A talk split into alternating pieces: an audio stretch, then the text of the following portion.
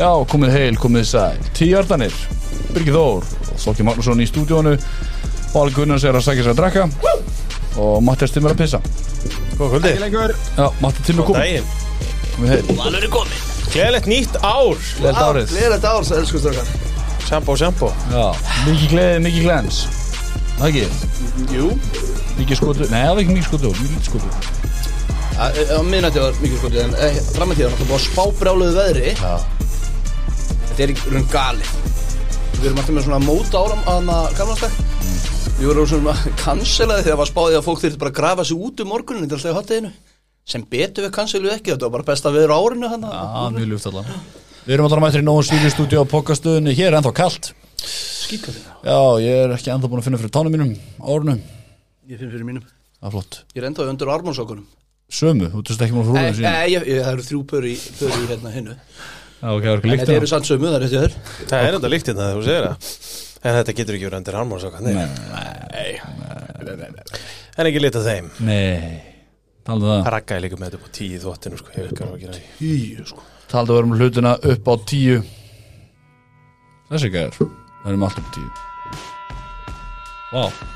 Bara þínum hraða Valmi, þú opnar bara þínum hraða. Erum alveg að horfa á píluna? Sorry, það eru tveir í nændartir hérna. Ekki máli. Nei, nei, Ekki máli Ekki máli Sorry, ég er að er slökkva á Já, þessu. við látum fólk bara býða bara ég er að stökka á þessu. Allan að bóli uh, Rauður, góður. Sikala indæl Alltaf góður á nýja ári sem leðis Góður jólinn, góður á nýja ári. Ég sko, já. Lettur Léttul, þetta er hérna Þetta er Þetta Nændartir er ekki hægt sko. Jesus, hvað með bráma? Sorry, sorry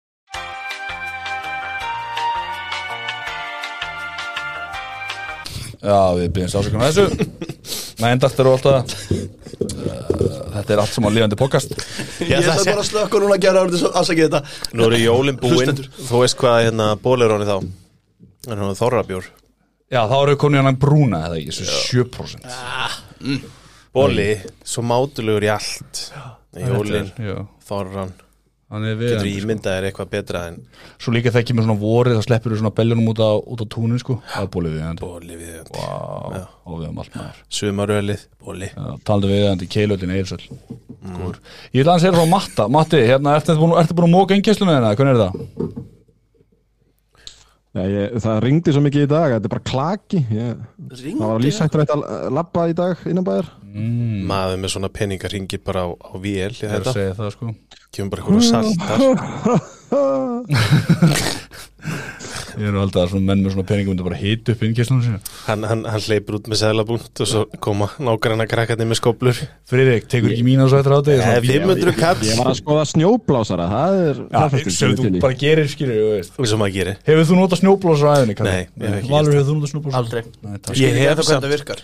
Sem, sem hérna húsfélagsbrasari þá hef ég hugsað að leia svoleiðis vél en aldrei hefði mig dreymt um að kaupa svo líka Það var gaman að keeping up with, Matti, with the Tims Það var þetta hendi það. Stittist ég að fyrir að byggja sko tækjageimslu við og undir allar þessar allar þessi tæki sko. Við höldum áfram að láta okkar hlustundu vita hvernig staðan á húsinu Já. Þannig að Matti er að íhuga hvort hann kaupir hérna bara gröfu eða snjóblósa Eitt Ferguson bara. Þetta er einfalt maður. Allana Keilöldin, Eilsöld, uh, gul viðurinn, rauð viðurinn, appinsingul, skiptir ekki máli, jafnvel svört. Skella sér Það er lít og gott Um að að gera og núna fer að að detti í gang Þannig að það er vonandi Og húsvöldir náttúrulega bara handboltinn öllu bakinn Díses, handbóltinn að byrja maður. Djöfull Svo vel. stíðanar, hann er spenntur sko. Eru, Hvað er árum þetta? Ég ætla að reyna að grenna smá. Ha? Ég ætla að reyna að létta með þess Já, ok. Ég elska svona, svona 5 kilometruna Já, ég veit þetta er að frumlega er Nei, það er ekki einu sinni það, það er ég elska sko svona markmið áramóta heitt sem eru svo gjössamlega og algjörlega opinn Þú veist, ég ætla bara að grænast aðeins. Það er bara ekkert, ekkert ákveðið magn bara aðeins. Já, já, ég meina þú Ég ætla bara að fá einn góðan niðurgang hérna í góða viku, þú grænist. Já, svo ætla ég, já, ég, ég, ég var með með tvent sko. Það var það og svo ætla ég að reyna að taka svefnin aðeins, aðeins fastari tökum að Því ég á það til að vakna veit, ég hreinlega veit ekki hvernig þú sefur. Ég var að reyna að útskýra þetta fyrir konunum mína. Mér langaði svo að horfa á Bengals Bills og svo, og þú veist, ég vaknaði eitthvað ég, bara, ég er aldrei að fara að geta þetta. En Valur getur þetta. Já, ég, sko, ég, ég er byrgi að kenna fyrir henn á morgun miðvíkdag Þannig að þú veist, ég var í frí í dag þannig að, og Ragga fóð með litluna í hérna damum þannig að það er þetta sko, en En ég ætla að reyna aðeins að vera Ég ætla að vera besta útgáðan sjálfum mér á næsta ári. Sjó byggja allir að ræsast hérna. Já, maður, ég á þungurinn á hann Þetta er ekki rúa Stjórlega þungur maður Hérna, já, ég byrjaði að á makrós milli jól og nýjós Á milli jól á Enable macros Alvöru bilun. Hvað ætli gangi? Ég fór í manju Ég var í manju Ég er bara alltaf að greina sjálfum með það Þú ég, ég, ert ég, ekki ennþá komið niður úr henni ha, Ekki og helst ég áfram sko. Nei, ég er áfram í einu sko. Já. Maður er að telja og svona. Komast í stand. Ég, þú ert reyndar í ríkalegu standi Það allt er samt. þetta alveg ekki að sko. Og þetta er drullu góðu standi. Og bara fara því við byrjum fyrir fjórum árum Munurinn að þér. Wow Þetta er bara að segja það.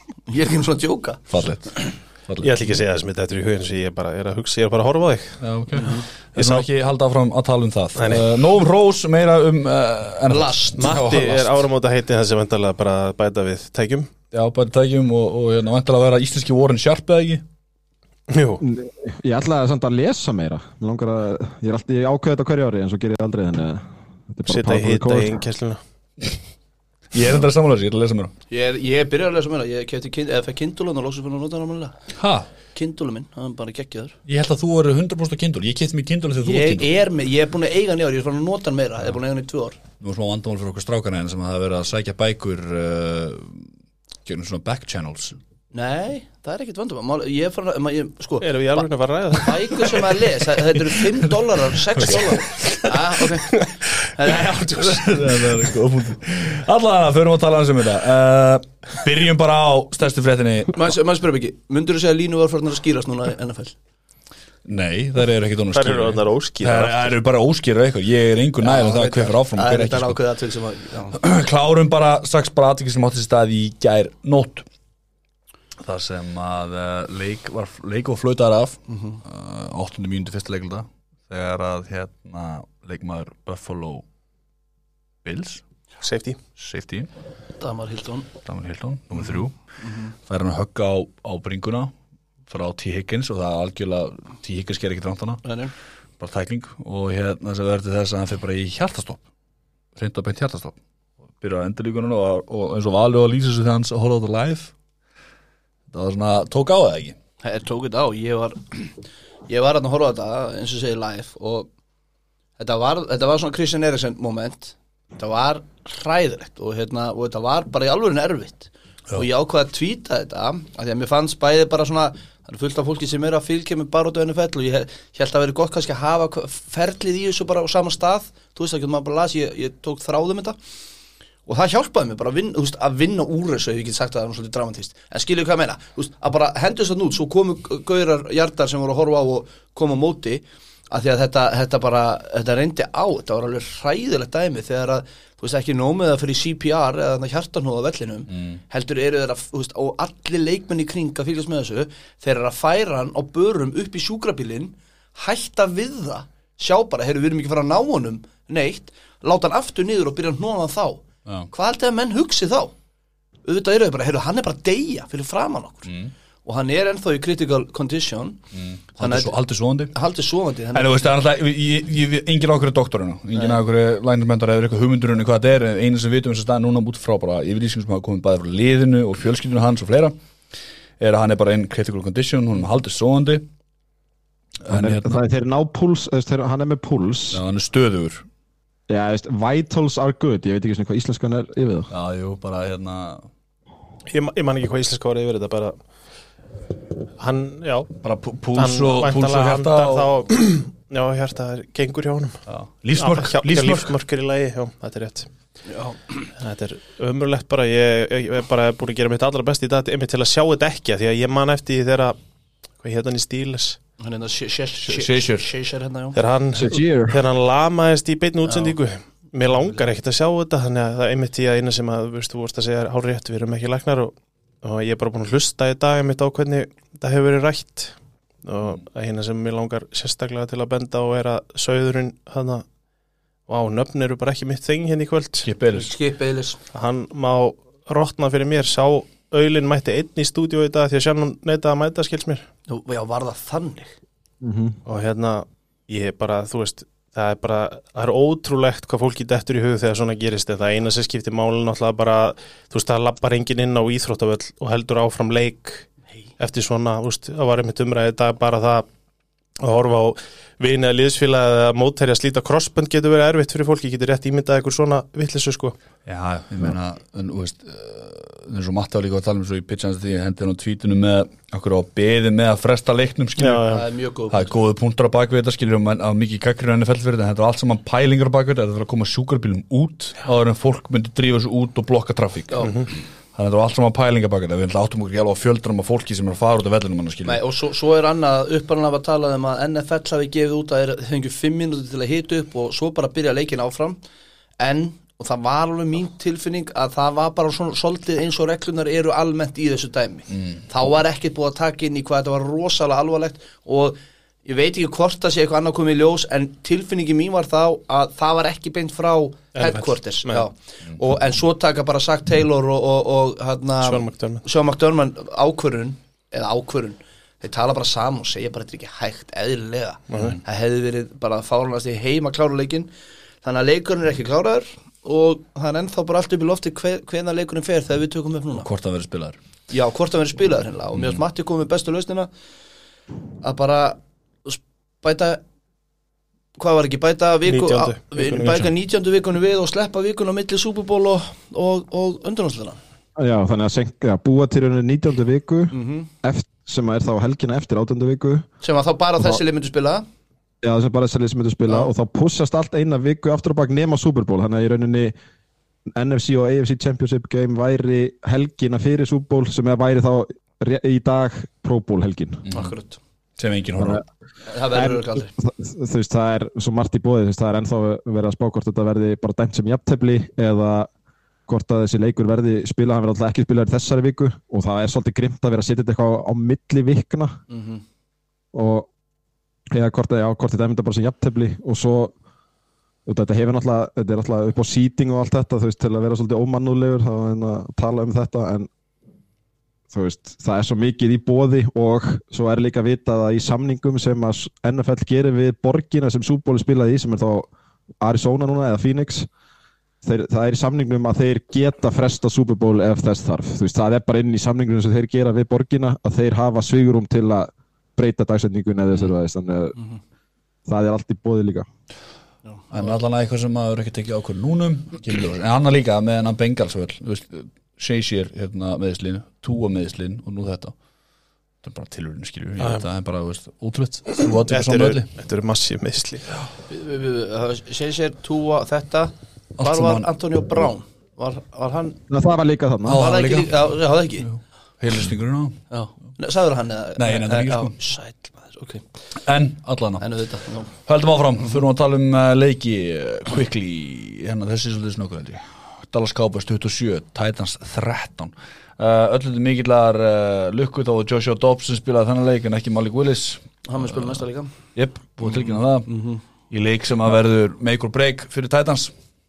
Það var líka frekar fyndið að fólk held að þið væri kannski að bekja Malik Willis til að kvíla hann fyrir að viti við eitthvað átján en ég fekk það á tilfinningun aldrei en umulur Josh, Josh Jobs líka lit út fyrir að hafa spilað íþróttir áður og það er svona kannski krafan akkurat núna. Það það er tilfinningu fyrir þessu. Já, hann er svona hafði smá tilfinningu fyrir þessu en ég menna þeir eru líka án okkar allra besta Henry í þessum leik. Þannig að þeir voru nú eiginlega ekki að reyna en, en en það var nú samt alveg smá leikur þokkalega fram, framan á sko Já, en, já. en fokkið bara bara kláraði þetta skildu sig fyrir Cowboys að það hefur algjör niðurgangur að klúra þessu og ég, það er ekki mikið meira um, um Nei. þennan nema þeir eru náttúrulega kvílarunum bækki sinn Cowboys. Já, þetta er bara ákveð svona að mínum að þetta er svolítið breyka á tímubil hjá City Lamp. Mér finnst hann bara orðið legit góður sér Þú veist, já, Cowboys voru bara geðveikt svona eitthvað íhaldsamir bara, þú veist, þeir þurftu eiginlega ekki að taka neina sjensa, þeir voru alltaf að fara að vinna hann að leika einhvern veginn. Fínt fyrir að líka ná einni viku á Pollard bara kvíla hann alveg og láta sík sjá um þetta það því að mér meina Pollard er bara hann ásinn þeirra þó ég sé kannski ekki sprengkrifin á honum sem það en þeir tveir saman eru helviti stert kombo sko, það heldur sé vannmeti þó að maður getur verið dán á annan kvot þá eru þið saman heldur góður og þetta tap fyrir Titans skiptir hún yngur máli. Nei, nei, Nei. næsti leikur er eini leikunum sem skiptir Jaguars og Titans máli. Já, já, uh, ok, við fyrir með kannski það Já, er við- Jaguars líka. byrjum hérna, setjum lag undir og þú fær að- að rífa þess undir planið. Herri, sko, hérna, ég ætla að leiða ykkur að taka ákvörðum með er með? Falcons 20, Cardinals 19 Já, við þurfum ekki að tala mikið um hennar leik en þetta var samt geggjaður leikur. Þú veist, þetta var skemmtilegu leikur sem að hérna, sem að uh, Falcons vinna bara á fílgóli í lokinu, það er ekki rétt hjá mér? Jú, en þú veist, en neini, það, það þarf ekki að ræða þetta Bæði lið Dottunum Contention. Já, já, Hérna. bara Já, og, og, en þá held ég stíft í vonuna um að Cardinals vinni fjóra leiki á stífil Já, er ég að San Francisco í síðustu umferð og þetta ætlar að ganga upp hjá mér? Já, þú settur það over under, hvað? Nei, ég segi að myndi vinna ekki fleiri en fjóra. En það er svo skiptir einhver máli að vanandi Falcon samt, þú veist, mér finnst sko, þó svo að þeir vinni þetta með einu stíi þá hef ég trú á því að Falcons geti orðið eitthvað á næsta árum úr því sem þeir eru með. Já, á meðan að öfu hinum meginu boltan hef ég enga trú á því að Cardinals sjólegin er neitt nema í algjörst rugl sko. en, en það er svona kannski framtíðapælingar sem að bara eiga við setna sko. þessi leiku var David Blau á mútið Desmond Ritter sko. Hvernig finnst okkur þessum dritta sem við séð? hann var ekki slæmur í þessu leik er allavega með hvernig fyrstu tveileikinu voru þá var þessi bara fín Ok. ekkert frábær en átti svona köstin á milli. Ég er svona sem í sömu skoðan á því og ég er farin að fá bara eftir leikvíkuna með Raiders það hefði kannski mótt bara leifunum að spila eins fyrr. Ég held að hérna, ég held að hann hefði alveg haft gott að ég að fá átta leiki það hefði ekki dreipið neitt hjá Falcons að leifunum að spila átta leiki svona ef, ef við viljum tala eitthvað um úrslitin eða þannig þá eru sko Arizona með fjóruða pikk í draftinu núna og Falcon sjöunda. Mhm. þannig að þetta hafði einhver áhrif, áhrif þar. Já, já.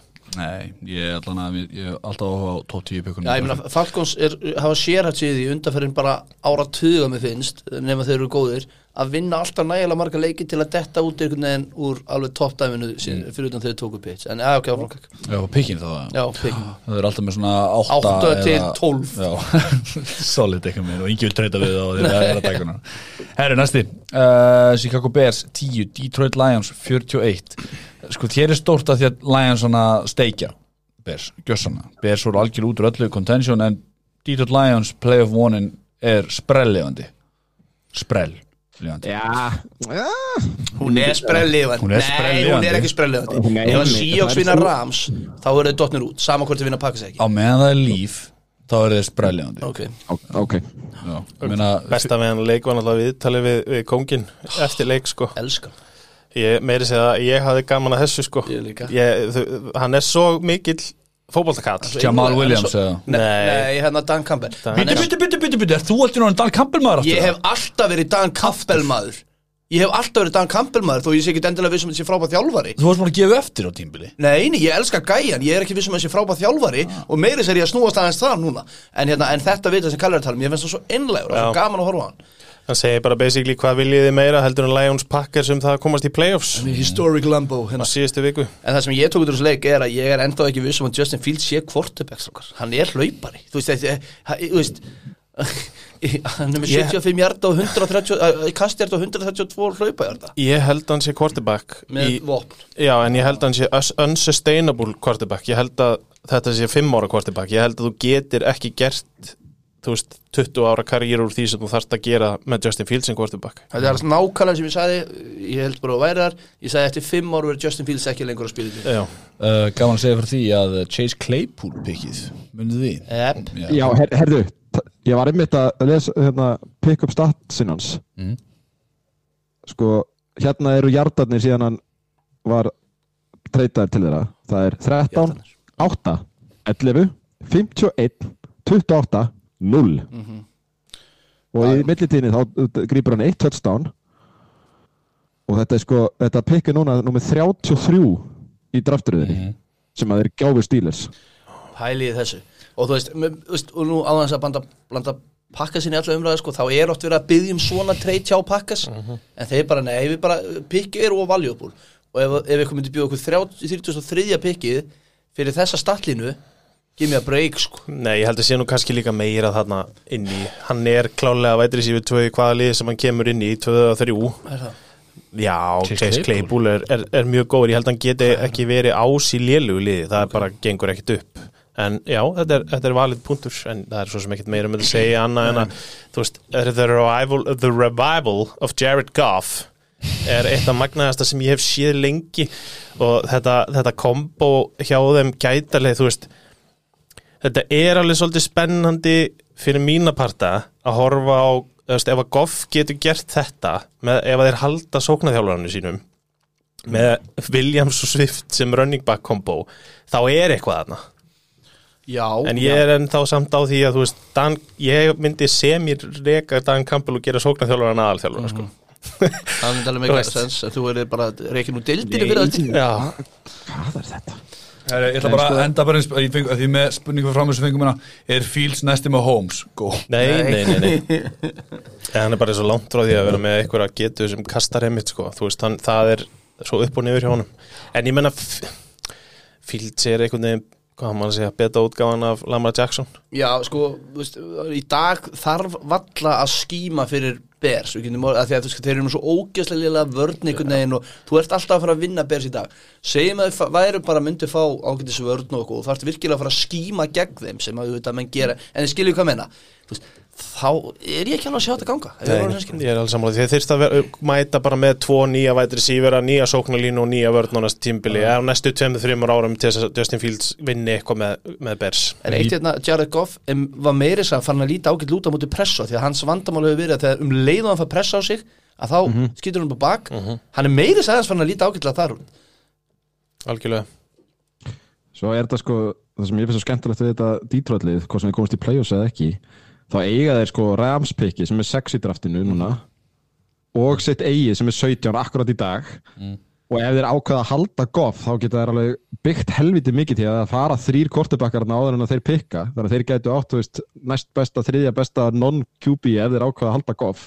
Þannig að veist, það er hellingur til að byggja á þarna en þetta er náttúrulega með hvernig þeim gengur þá er ég ekkert vissum að þessi sniðugt að sleppa kortebakk svona ofarlega í draftinu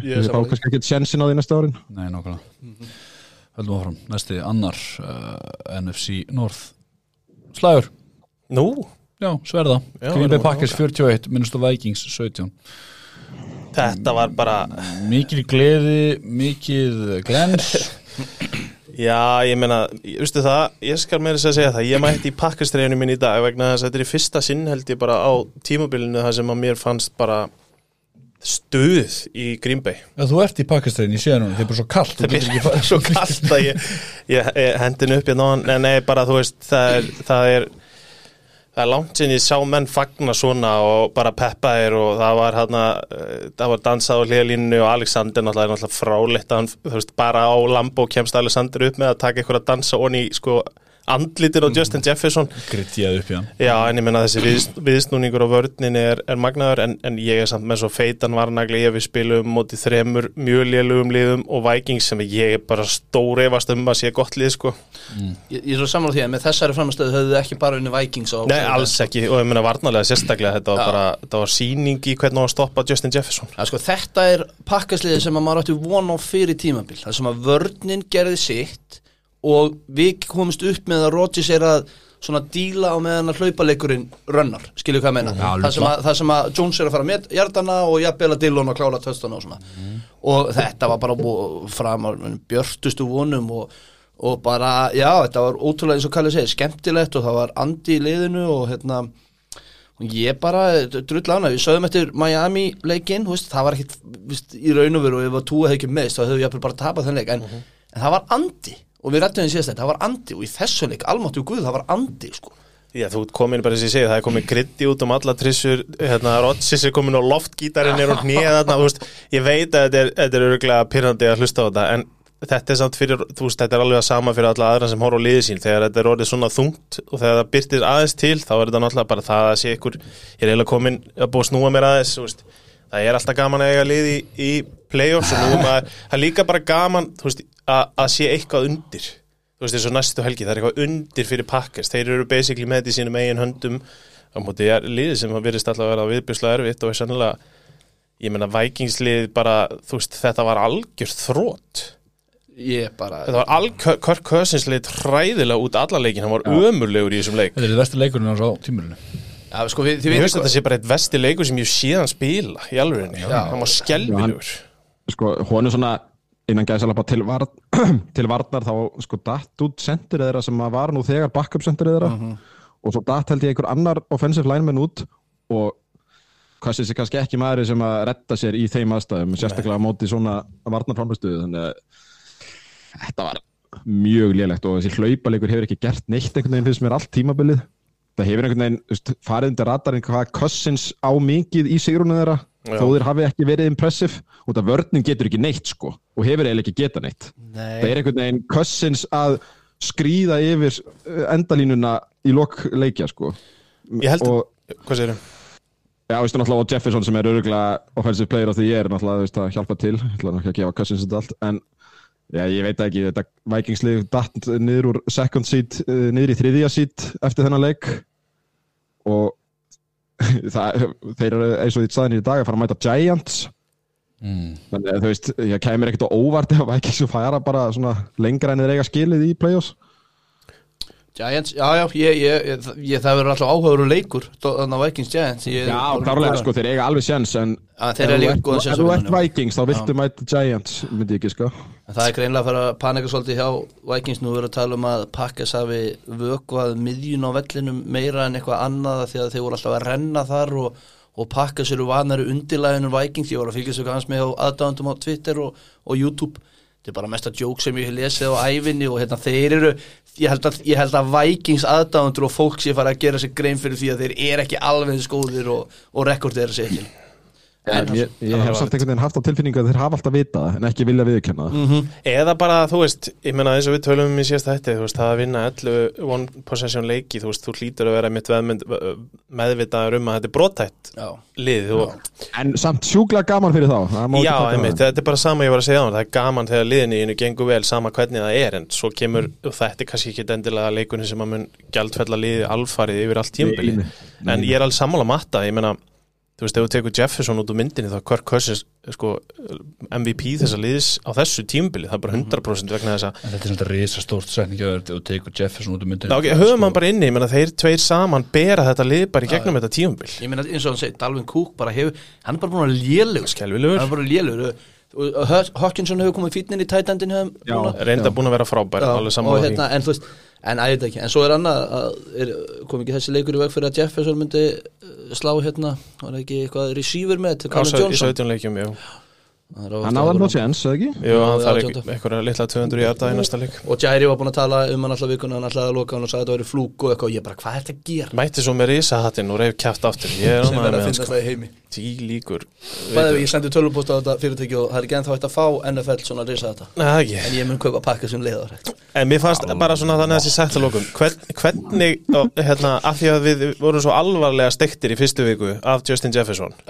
viku þá var þetta svona það sem maður kallaði eftir. Alexander eldir hann svona inn á milli og svo færa hann yfir í slotti og það gerðu menn bara gríðarlega vel. En svo er líka allt í lagi að benda á það að það eru klippur núna á netun þar sem Cousins bara sér hann ekki á linebackerum út um alla trissur og eitthvað svona. Þannig að þetta var bara svona samtvinna ég held að heimitt þetta, sóknilínan í skít og, og menn á dánir. Allaðana, já. Flott, höldum áfram. og þetta er í höndum pakkas í átjöndu viku og ef ykkur er sagt með það fyrir nokkrum vikum þá er við hlýða Hver er prósunan? 64% Takk Næsti. Uh, Jackson Jaguars 31 Houston 3 Ég, hérna, var ekki þessi eða? Nei, það er ekki þessi. Var þessi eða? ég held að já. Ég held ekki. Þannig að Hérna, Hvað var hitt? Hitt var Úlfurinn. Endi, Endir á Hérna við þurfum eiginlega ekki að taka Nei, þennan leik bara- fyrir við förum yfir. Skildu sigur, ég lagt þessu Colin Ridley í þessu Jaguars liði og allir fóttir þetta var sérst Jaguars Texas, já. Má ég koma með smá? Já, Playoffslega. Þetta er já, playoffslega. ok, já. Út af því að sko við tölum um í síðast að þessi leikurinn skipta ekki máli fyrir Jaguars. Mm. en sigur þessu leik tryggir lifandi möguleik á valkarspotti þó þeir tap á móti Titans í næstu viku. Veist að það er slagt að gerast en sá hérna út af því að þú veist það var að tala um ætli þeir að kvíla þeir kvíldu ekki en náða að kvíla í setna leik þeir rústu þessu leik, þeir held að stanna að vera 21-0 eftir fyrsta leikluta sko.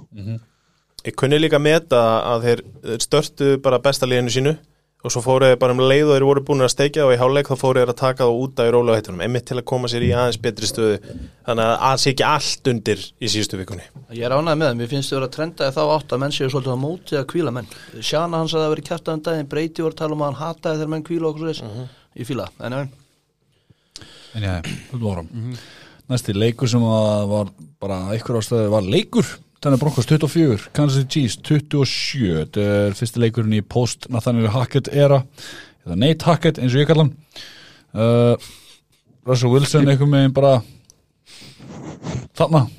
Já, já hann, var, hann, var, hann, var ekki, hann var ekki góður í eins og leik sko en og er með að já, sko, hann, var ekki, hann var ekki góður í þessum leik. Hann var skárri í þessum leik. En hann er með hræðilegt interception sem klárar hann leik eða og, og þú veist menn segja að Broncos yngur að keppa.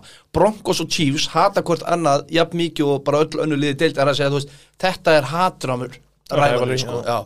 Að, þú veist, og, og menn eru bara að verða ennþá geðvikir á honum þarna, með þetta, að því sögðu að þá skilji ekki hvernig Chiefs nennir að gera leikur svona leikjum enda löst Herðu, ég er með smá Pandoru-box Way. eða svona pí, pínu. Ég fíla það. Chiefs hafa verið að slömpa í mánuð. En það sem að- er svo klikkað við þetta að Mahomes bara virkar eins og hann sé bara ekki með hausinn einhvern veginn við leikina en lélugur Mahomes er samt top 15 quarterback í NFL sko. Top þeir eru að 15? vinna leiki og hann er þú veist, þegar hann er á lélegan leik þá er hann samt öruglega above average quarterback sko. Já, mér var ekki vorin sjarp að tala um það? Þetta væri líka bara besta tímabil maður Holmes líkuð bara frá upphafi mínus eitt eða eitthvað álíka af því að hann hefur ekki, það er að segja það er erfiðar að skíma á móti Kansas City í dag af því að hann er ekki með hennan Tyreek Hill sem hann hendir á í 90, 90% tilöka þegar hann er í vandræðum.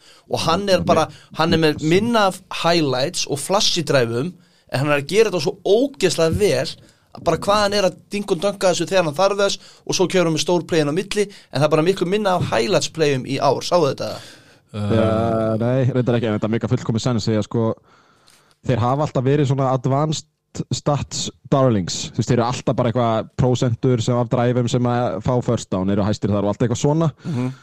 En svo finnst mér líka svo magna að það er ekki hlaupalíkur í þessu liði sko þú veist, McKinnon er kannski líkvinnur í fantasy en hann gerir eiginlega einhvern veginn mesta damageið með því að grípa.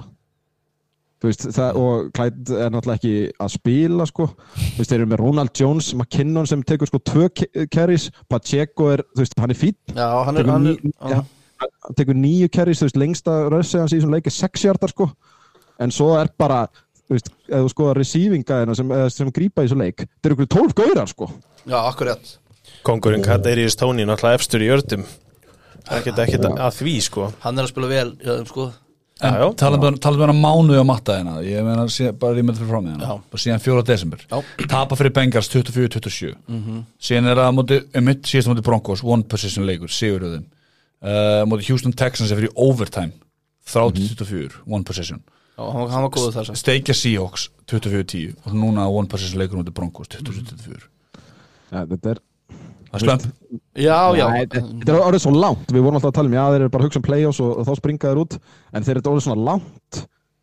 Það er svona, það er einhver ratar í fjarska byrjar að tikka sko, en ekkert Mhm. einhver alvarlegur sko, en þetta er samt eitthvað svona þú veist, þegar þeir mæta stóru liðunum í play-offs þú veist, þá þurfa þeir að finna næsta gýr Sko ég horfði, ég horfði á þessar áttamyndur á leiknum í nót Þannig að Bengals, Bengals spils Og ég hugsaði eftir fyrsta dræfið Bengals er besta lítil í AFC.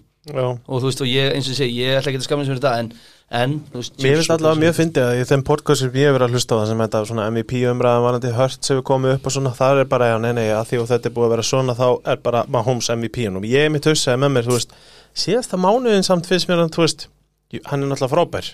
Þú veist, það við erum að tala um besta eða þú veist, valjúbúl leikmann deildarinnar einn skilur Já, 100% mér finnst þetta svolítið skrítin útskýringa því að kem, kom aldrei rauk með því af hverju hann er það, það kemur bara af því að Hurts mista tveim leikjum, öðru leikum skiljiði hvað ég er að fara, mér finnst þetta mjög auðveld útskýringa því að mér finnst þetta slömpjum á Húms alveg eiga svona skiljið allavega smá bandstrik eða svona smá mínus Já, já, ég, ég skil ekki Ég, ég skil ekki. Er samt- er svo mikill betting favorite. Ég veit það, ég veit það, ég veit það, ég veit það, ég er alveg sammálaði átján á, og mótið sko Börro sem er í öðru með 8.50 og ég myndi ekki drepa neitt fyrir að kjósa ég er ekki að segja það, mér finnst þetta bara svona rögleisa af vissu leiti, hvað sér Skilabóðina, hversu lusta Já, Hérna, já. Tælum ekki frekar á þessu. Nei, ég ætli það Þetta er hérna grúpa sem ég og Karl erum í. Já, sorry, ég að Það heldum áfram, um næsta. Uh, Dolphins 21 New England Patriots 23 Í leikviku 13 og held ég að playoff chances hjá Miami voru 90% Ég held að sé komið í 44% ef ég ekki að þetta. misminnur ekki. Já, ég held þessi rétt. Þetta er eitthvað mesta meltdown sem ég sé hjá einu liði. Mhm. uh, í bland við náttúrulega eitthvað svona BS og meðsli uh, Flottu sigur hjá Patriots. Framingju, túar ennþá ósigrar á móti Bill Belichick sem maður höldum í það. Og ég fæ að eiga það. Og það er ekki von á túa fyrir ný play-offs í fyrsta lagi Þeir segja það já. Hann er ekki partur af QB rotations hann er bara day by day dæmi og það er ekki, hann er ekki partur af hann er ekki kasta boltanum með neitt sko. Og það er bara spurning hvort þið komist. Og Teddy Bridgewater braut puttan á sér. Já, eðlilega. Að Skylar Thompson kom inn og Skylar Thompson sjö, seventh round rookie eins og köllum hann. Hann, hérna, hann er að fá að starta næstu viku. Ekki vesti samt quarterback sem ég sé sko. En ekki heldur svo besti. Nei, nei, það er vissulega rétt hjá þér. Og ég veit ekki hvað þú veist það, þetta maður heyra hann hérna, hérna Mr. Relevant, hann er vist líka mjög góður Hann er fín og þessi Sappi líka ég var með eitthvað búin að pizza því að mig líka hann sé vist líka rosalega góður, betur en Skylar. Já, allavega þetta er bara, þú veist ég ætla ekki að já, þetta er helds fokkin fokk að það sem þetta er. Já, það er það og við vorum með svo sem fínt gameplan í fyrri háleika mótið þeim. Og vorum að hlaupa á það og svona í þeim og vorum inn í leiknum og svo bara hrinur þetta. Eins og svo margt, en ég meina að vantaði fullt að startari mínu leiki á Miami, að vantaði Tua, að vantaði Armstead, að vantaði Bradley Chubb, að vantaði Savin Howard, Brandon Jones er búin að ádalt, nei, Byron Jones er búin að útalt tímbilið, cornerbackar, svo vantaði ykkur eitthvað cornerbackar líka hjá, hjá hérna Patriots en ég er bara einhvern megin með Bill Belichick að mixa þetta það finnst mér svo, ég og Valur varum flott shipi 1, shipi 2 hérna sko. Já, sko, Patriots er með sjö varnartöstan á svo ári, sko. Já, þið skoruðu þannig tötsan, já. Þú veist, þetta er galið. Mhm. Út af því að ég, ég veit ekkert hvað er með mörg sóknartöstan en það getur ekki verið mikið meiri svona 16 Nei, Þú veist, en, og ég hef samt alveg pínu trú á Mac Jones eða að hann sé betri en þetta sem við erum að sjá í ár. Þú veist, og það er náttúrulega ekki verið að gefa hann mikið sens mér finnst þetta ekki drosalega spennandi hérna, skill position leikmenn sem eru hann í kringum hann og blíjandurinn og Joe Judge hann á hliðalínunni að gera þetta fyrir hann. Þú veist, þetta er ekkert þú veist, hann, maður sér alltaf á hverju viku hvað hann er að vera pyrraður á þessu. Mm. þannig að þú veist ég hef alveg smá trú ótrúlega satt á Mac Jones en þetta lið, þú veist, ég bara byrti Guðs að Dolphins komast þannig áfram og túa verði heill. Því að það eru þessi þrjú lið að berjast um síð, hérna, uh, síðasta wildcard-spottið í AFC sem eru þá Dolphins, Patriots og Steelers. Þú veist, ef við horfum fram hjá AFC South ruglunu þá, þá, ættu, þá ætti einn hlutleysi að, aðdándi alltaf að vilja Dolphinsinn. Sammála því. Já, þannig líka þetta annað í þessu sko það, þú veist ég Tyreek Hill og Jalen Waddle saman eru með, þú veist, 100 hjarta leik 50-50 og þetta, þetta virðist okkur að vera sagan endurlösa með Dolphins og sérstaklega sittnháleik, það er eins og þeir bara svona hætti að kasta á Hill og það er þeir bara hverfa. Okay. Mér finnst ég lendi í þessu þrjóða fjórleik ítrekkað Ég gjössan að bara hverfa. Og hvort að bara lið að justa eða hvað það er og þá kemur spurningin bara með coaching á Mike McDaniel sem er veist, svo sem rookie coach köllum bara svona er.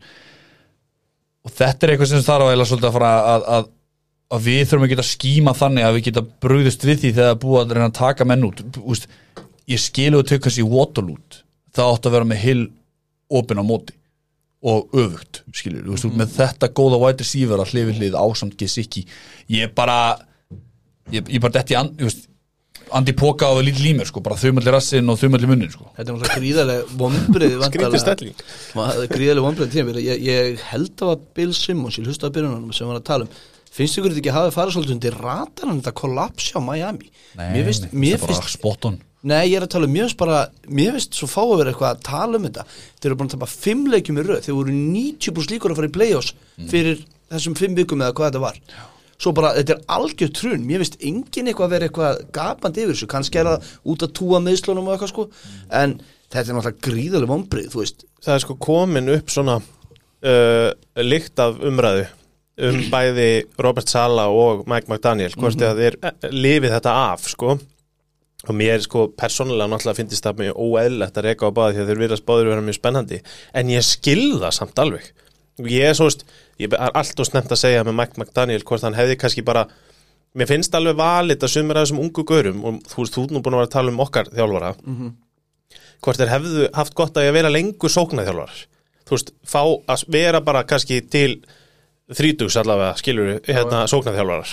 Já, hvort það sé eðlilegt að þeir fari bara beint í head coaching stöður út um alla trissur uh, hvað er, hvað er hann, 38 eða 9 eitthvað Það er? Sean McVay dæmið sko.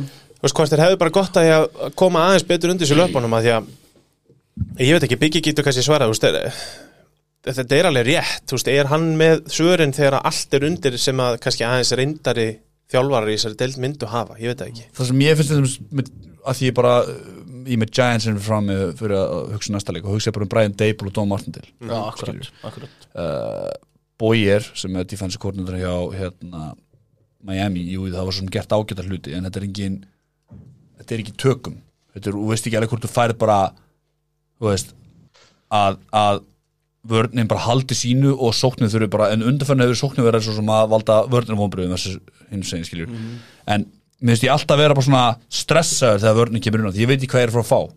Ekki hugmyndu það. Mm. mér finnst versus það með Giants, mér finnst bara Martin ég hef engar ágjörð hvað Martin Dale er fara að gera. Nei. og það er það sem Dable einmitt gerir, hann stillir sig upp með hárréttin koordinator með reynslu hefur gert þetta rétt. Já, já, Dable náttúrulega með reynslu búin að vera hill lengi sóknarþjálfari hjá Buffalo en þjálfari þetta var bara ekki með- dúa sem ég datt í hug sko, þetta, er, þetta líka, þetta actually gott dúa því hann er að koma inn sem first year head coach en, jó, Martin, Martin Dale hefur bara alltaf gert það sama, hann blitza bara hanglaðan degir sko, en, en hérna, þetta er góða punktur. En, en að samanskæpu skilur timeout uh, veist, hérna, challenge flags og fleira hafa alveg verið bara what the fuck og svo náttúrulega bara eins og ég er álpapirinn á höfðinu og álhattin segi og það var ára ykkur að klukku sekundu búnar að, að play klukkunni að einum tímbúndi og Thornton var búin að stíga vel út af vellinu í mitt skiptið og en eini það var ekkert kólað.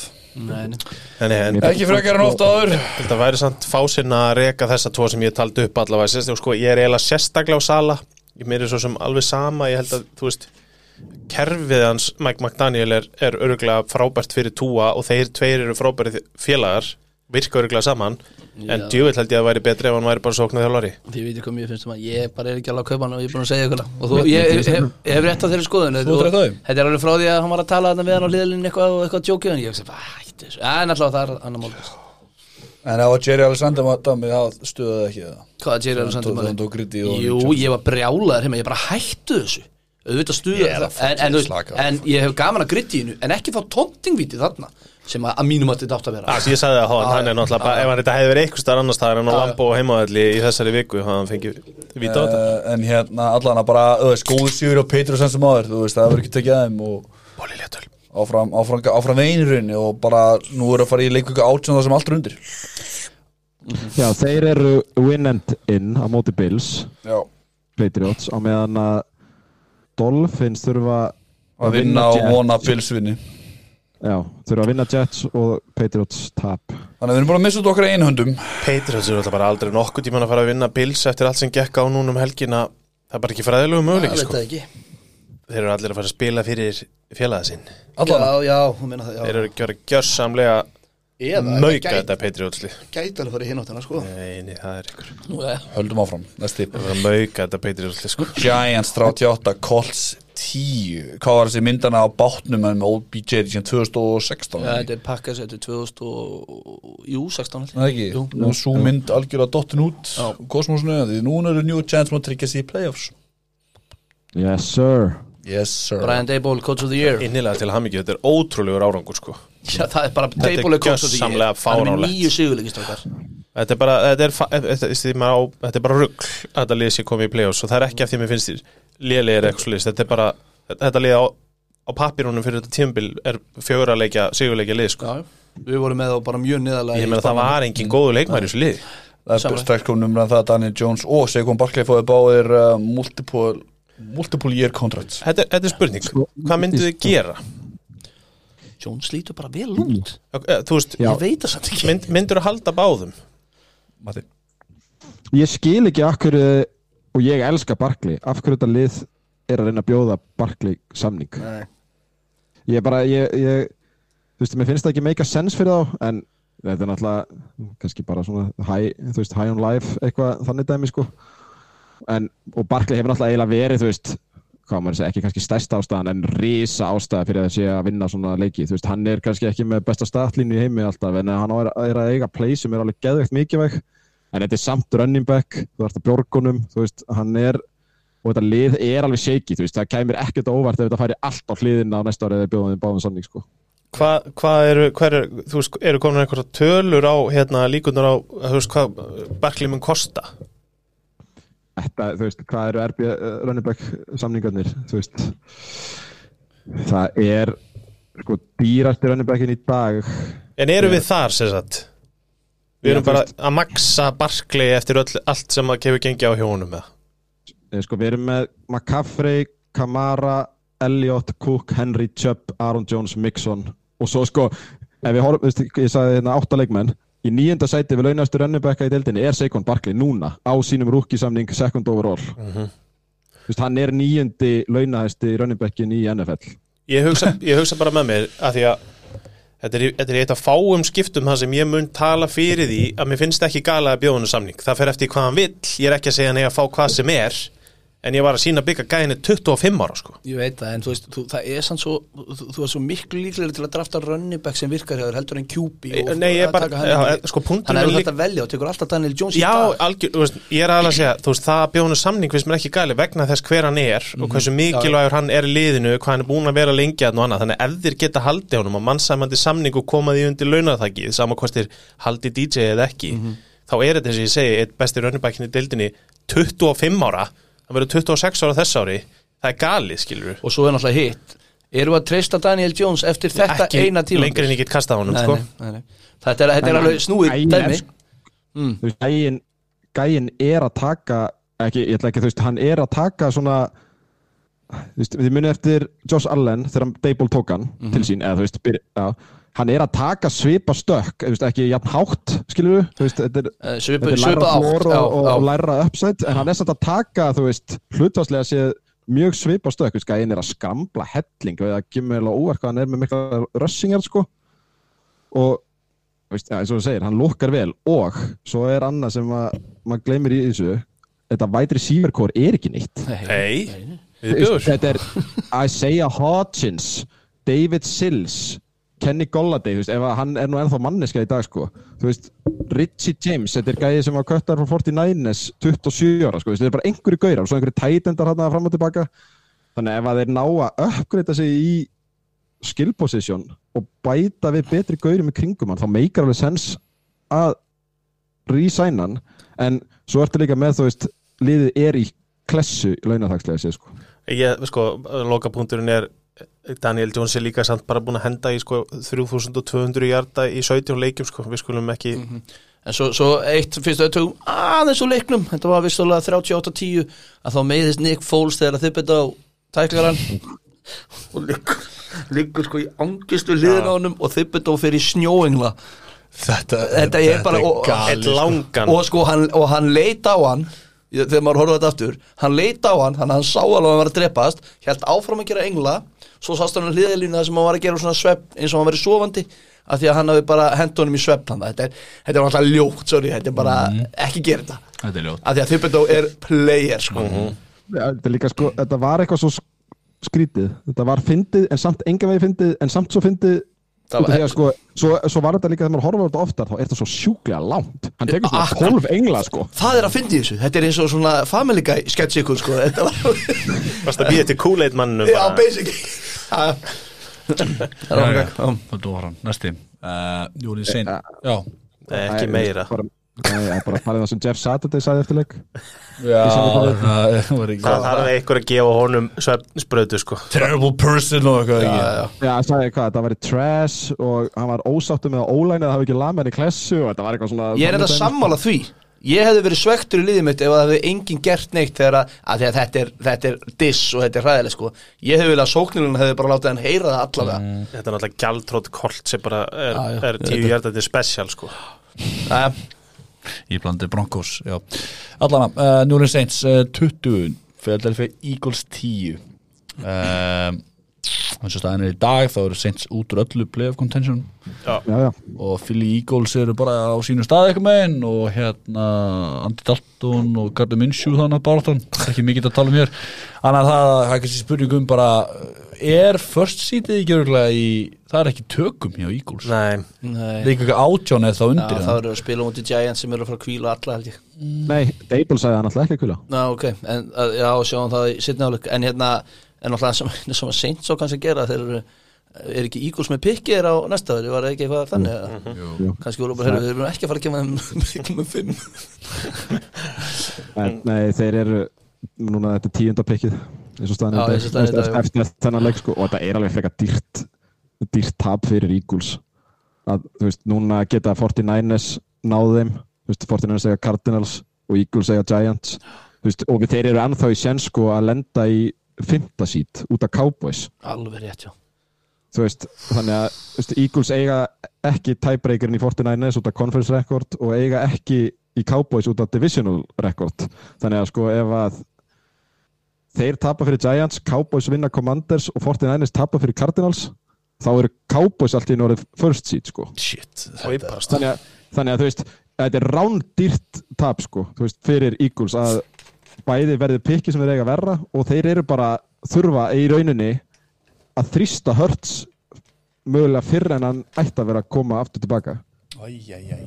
Þú veist, þetta er alveg, það er alveg svona shaky eh, að- atriði á bakvið þetta allt saman Já, já, en svo er spurning hvort að Hurts hafi nokkuð gott að það verið hvað fimm vikna kvílt þá fyrir, ef þið fara bæviku og hann er búinn að spila? eða? Fjö, Já, er það sann Já, hann mista tveimur hann, já. Já, já, ég skil. En já, þetta er, þetta er ljótt að Ben, þú veist Mér leið bara eins og þessi leikur Ég hafði ég hafði á tilfengu því ég horfði á hann e, e, svona, e, að þetta skipti einhver máli og þess vegna var ég ekkert mikið að pæla í honum að því að maður er bara búin að vera örugur allt tímumbil að Eagles sé að vinna NFC en svo er þetta scenarið eins og Matti er að tala um og náttúrulega seint sagði enga keppa, fattu ég hvað ég menna Já. en já, þetta er ekki nú gott hann og vörnin er alveg búin að vera shaky þeir lemtu þarna í meðslum það eru tveir cornerbacka mitt ég man ekki alveg hvað þeir heita og það sést alveg sko, þú veist, þeir eru alveg miklu meira shaky en maður heldur. Og svo náttúrulega er þetta, þú veist, Minshew Mania, hann er kannski nettur og allt það, en hann verður samt að vinna leiki með þetta lið, þetta personell í kringu sig, sko, þú veist, hann- þú getur alveg verið nettur en þú verður samt að vinna leiki, sko. Þetta er bara típist, þú ert góður í fyrsta leikin sem þú spilar, setni leikin Þinga þinga og bara meira teip og bara, let's go. Já, það var eiginlega þannig. Hann var ekki, ekki og Þetta er bara sama við tölum í síðustu viku. Þú er búin að taka allan hlaupaleik úr kortibakstöðinni þá kannski er ekkit óeðlilegt að annar að tveimur fari í skrúuna hjá þeim. en ég veit ekki með hört sko, ég menna hann meitir í öxl, þú vilt heldur ekki taka nú snemma inn. Nei, nei. og ég mitt, maður svona mann er grunar að Eagles mæti almennilega til leiksa múti Giants og vinni bara þann leik. Ég er alveg sammála þér, þú við sjáum til í setni hálfleik hjá Dable sko, Já, já. hann er ekki að fara að spila mönnum, þú veist, á leiðin inn í playoffs að taka einhverja sjensa, ég sé það ekki gerast Nei, hann sagði mitt á, eftir hann að eftir að komast í play-offs bara, við erum ekki að vera að kvíla þeir geta kvílt sig eftir alveg. Það er það er langt á guy. Ég held að það sé líka mjög meðvitaðan og það þeir eru ekki leiðin í súból mm. Já, ég held það nefnilega líka, það var bara allt eins gott að reyna að fokka upp fyrir Eagles rivals eins mikið þau geta. Uh, Næsta leikur. San Francisco 49ers 37 Las Vegas Raiders 34 Þetta voru í overtime. Stidham era. Þetta var skemmtilegu leikur. Já, Ég skemmti mig konunglega að horfa á hana leik. Það er frábært maður. Það er var skemmtilegur gaman leikur. þetta var besti leikur í vikuna sko. Þetta var leikur og Jared Stidham náttúrulega kom aftan að öllum bara í þessum leik, þetta var ótrúlegt og það var það sem ég var að tala um áðan ég veit ekki hversu mikið maður á að vorkina Derek Carr, þú veist sem er farin bara í Mér langar að klára þá umræðu áður fyrir mig leikin Derek Carr umræðu. Já, til Bahamas eða eitthvað, látið sér hverfa og David Carr tekur þetta á sig í staðin náttúrulega sjónvastjarnan sem hann er. En Jared Stidham hefði alveg svona með hvernig hann spilaði í þessari viku og trúna sem greinlega Just Daniels hefur á honum, þá hefði hann kannski mátt spila hans við leiki sko. Sko, já, ef, já, ok, Matti, já, byrja þú. ef ekki bara taka þess atbyrðar ás einhvern veginn svona, Jú, byrja því, jú þú veist, það kemur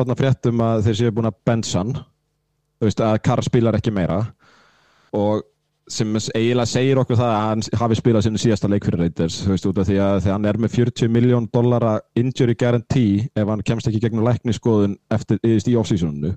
Þannig að þeir vilja greinilega ekki að hann meiðist og þeir, veist, þeir eru tæknilega sér fyrir þennan leik í playoff contention eða þú veist, þeir eiga sjens fyrir hennar 49ers leik sko en mjög lítinn, undir 1% þannig að hann í rauninni fer frá liðinu eða þú veist, fer á bekkin en hann er ekkert á bekknum, hann bara lætur sig hverfa út af því að hann vill ekki vera distraction.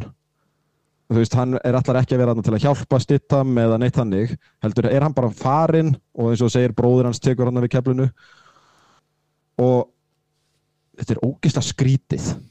Mér finnst þetta geðveikt skrítið út af því að hann hefur alltaf virkað á mig sem svona klísjukendur svona, þú veist, one for the team eitthvað bla bla bla, eitthvað svona þessi gaur. Og bara nei, þú veist, hann er bara þessi skilnaður er bara búinn. Þú veist, hann er að tala um að, þú veist, bróður hann segir að þetta sé reytis ákvörðun ekki kar ákvörðun og eigandinn og eitthvað, þetta sé eitthvað svona steipa sko, hann vilja fara eitthvað svona, það sem að er meiri stöðuleiki milli head coach og eiganda í næsta liði. Og þú veist, hann er með no trade clause þannig að hann getur valið hvert hann fer.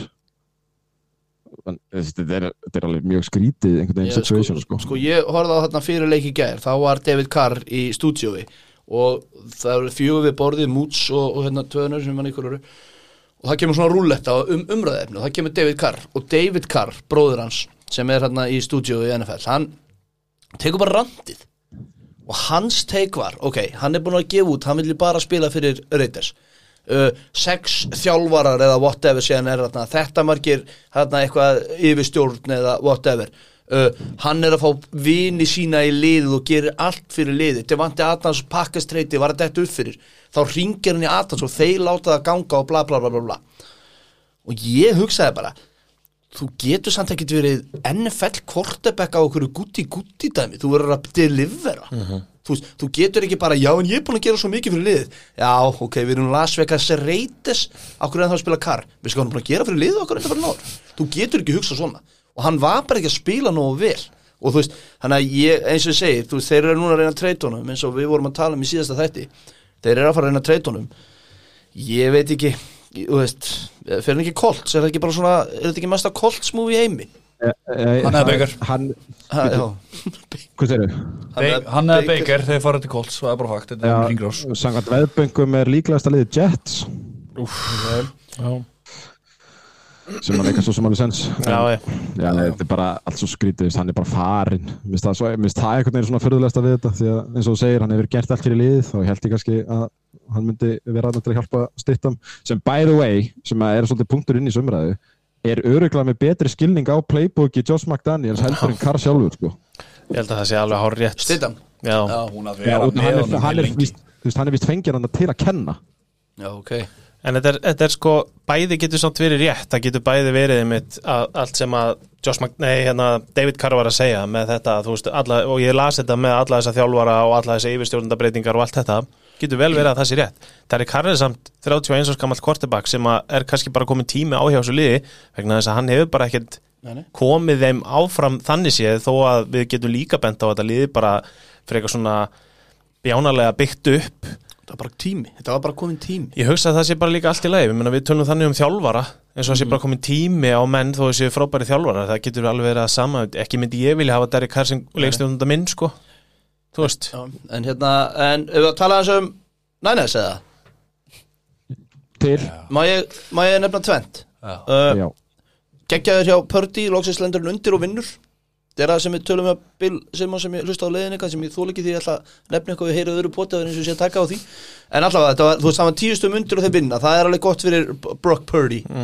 Og annað, Kristi McCaffrey er að gera allt og mikið í þessari sókmati hann er bara, hann er sóknin og núna er hann komið með eitthvað smá öklameðsli sem er day to day, ég veit að það er ekki alveg öklameðsli en þú veist, það er eitthvað ekki sem að vill heyra með McCaffrey rétt fyrir úrslutakefni Nei, nei. nei, en samt, eh, þú veist, ok, þetta er ekki lítið en þetta eru bara 25 snertingar sko. Hann er, samt, hann er, hann er allt í öllu þarna. Hann- Já, veist, ég, mér- segi, ég segi bara út af því að það er alltaf að tala um eins og hann sé að snerta boltan allt og mikið. Já, ég skil, já um, en, en 25 snertingar fyrir Belka og running back er ekkert, þú veist, einhver átlægir Nei, ég, ég skil alveg hvað það meinar En bara ef ég horfi núna á Nænes Þá finnst mér bara allt snúast um Kristján McCaffrey Og hann kom hann fyrir 6 vikum eða eitthvað 7 vikum eða eitthvað geggjaður, Það er geðveikur, hann er geggjaður. En hérna á Deep, Deepo kom aftur það ekki Bara í næstu viku jafnvel Og já, ykkur Mitchell. Og Mitchell, sér Mitchell, já. Mm. Þú veist, þannig að þú veist, það er Og Ígurs og leiðin niður þetta er alveg uh, alltaf upp á við eins og þú veist, núna er sko 49ers orðnir uh, favorites til að vinna bara NFC bara komast í Super Bowls NFC megin, þú veist, það er þrýra móti þrýr tíu sko. Og þetta var bara geðugur leikur, Brandon Ayuk var hann veist, geðugur í þessu leik og þetta var svona leikur sem að eins og þú sagðir, maður vildi sjá svolítið Pördi lenda í, þú veist.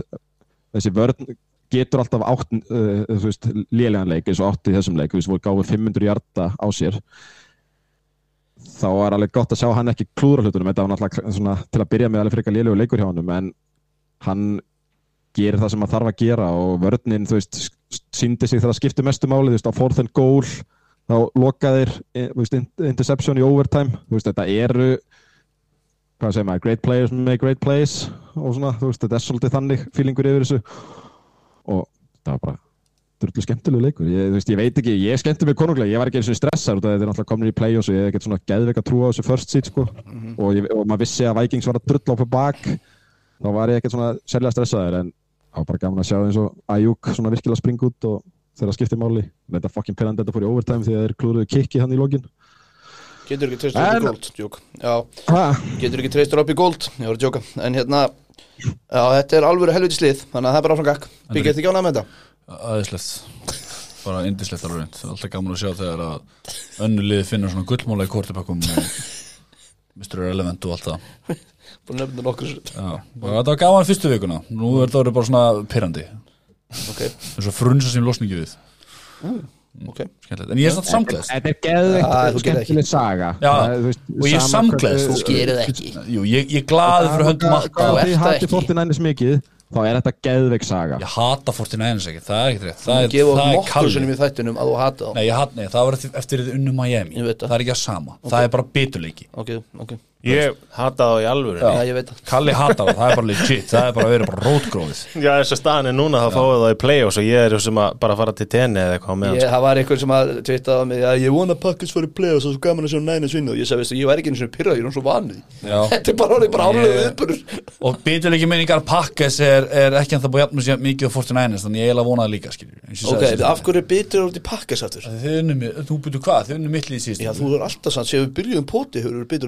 ég Er eiginlega, já, það er alveg mitt hattur með Eiríkar Pakkes Ok. okay. Ég drafta ekki Pakkesleikum Ok. okay. Jú, ég gerði það í ár Hvað tókstu?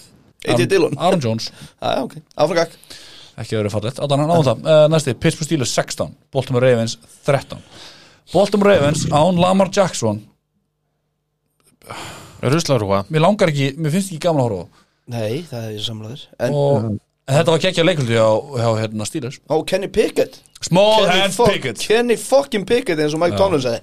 Hann bara Og bara Mike Tomlin líka bara. Já, Mike Tomlin marrón.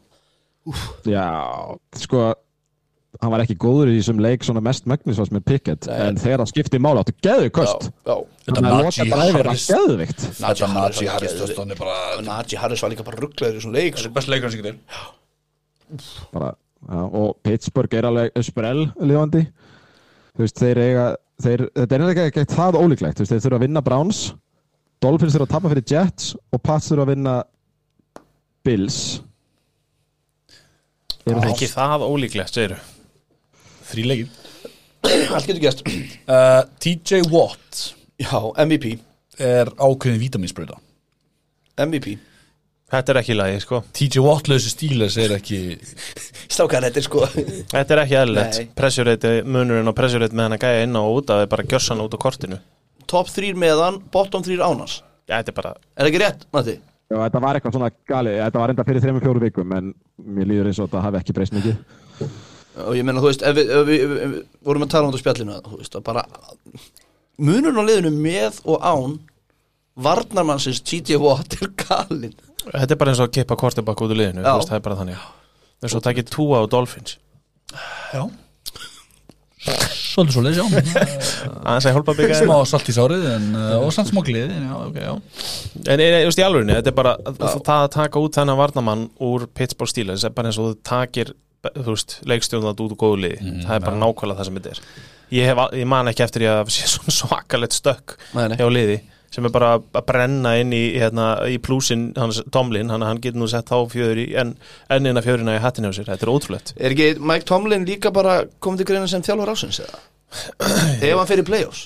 Ég menna, þú veist, mér, finnst- mér veist alveg afreikað að með þessu. Já, já, já, þú veist. Það er, Það er, sko, þetta er eiginlega bara milli Sirianni og Shanahan samkvæmt meðböngum. Ekki Dayból Ja, Deiból er í þriðja en hann er svolítið frá. Ok, þannig að þetta er, þú veist, Sirianni er fyrstur og hann er búin að vera að droppa helling sko út af þessum tveimur tapleikjum á meðan að Shanahan er að rísa upp og eftir vikuna þá er þetta já, þeir tveir og svo Deiból og svo held ég, ég man ekki svona hver í fjóðasetti sko. Þeir eru bara eiginlega þeir þrýs. En þetta er þægilegt líka fyrir Pittsburgh aðdóðendur, þú veist, Kenny Pickett er að taka baby steps saman hvort hann er framtíðin eða ekki. Þá þarf enginn að horfa á trúbi allavega þarna í tómi bulli. Easy. En þetta er allavega skára hjá honum En búin að koma túa og trúpi inn í þessu það er ótrúlega sko. Uh, Ravens eins og er, ég meina Mark Andrews með 100 leik, gaman að sjá það. Það er ekkit að frétta þarna, bara þeir þurfa að Lamar Jackson inn núna, Hvað er að frétta af honum? þetta sé bara playoffs. Já, ég held Nei, að sé þeir bara vita það ekki. Ó, Þannig að sagði bara, ég, mér, mér fara að gruna svona með hvernig Harbo svarar þessu. Hann segir bara I don't know. Segir bara eitthvað svona og hann hefur ég hefði ofta tilfinningur að hann sé ekkert svona óheiðarlegur í blamanfundum og ég er svolítið farin að kaupa þetta af hverju ætti hann að koma aftur? Já, einmitt. Já, þú veist, ég er svona, þú veist, það er svona byrjað pínu að, að læðast aftan að mér að kannski bara nennir hann ekkert að koma aftur. Þú veist, er að fara að fá samning og til hvers að koma aftur. Þið, ekki, eða, þið nenni mér ekki, ég nenni ykkur ekki. Eða, Pay the já, man. já. Ég geti bara trúið að þeir eru bara uh, uppsagnir þarna út um alla trissur sko. Bara þjálfari og sóknar þjálfari og bara læti sko. Viljið þið fá kóts og því er odds eða? Ég fann þau Já, já, veist, já. listan. Þú veist, það er Seriani og Shanahan eru jafnir í odds, svo Dable, Peterson, Zach Taylor, Dan Campbell, Sean McDormand, Kevin O'Connell. Dayból Peterson Peterson á ekki heima svona Peterson, ok já.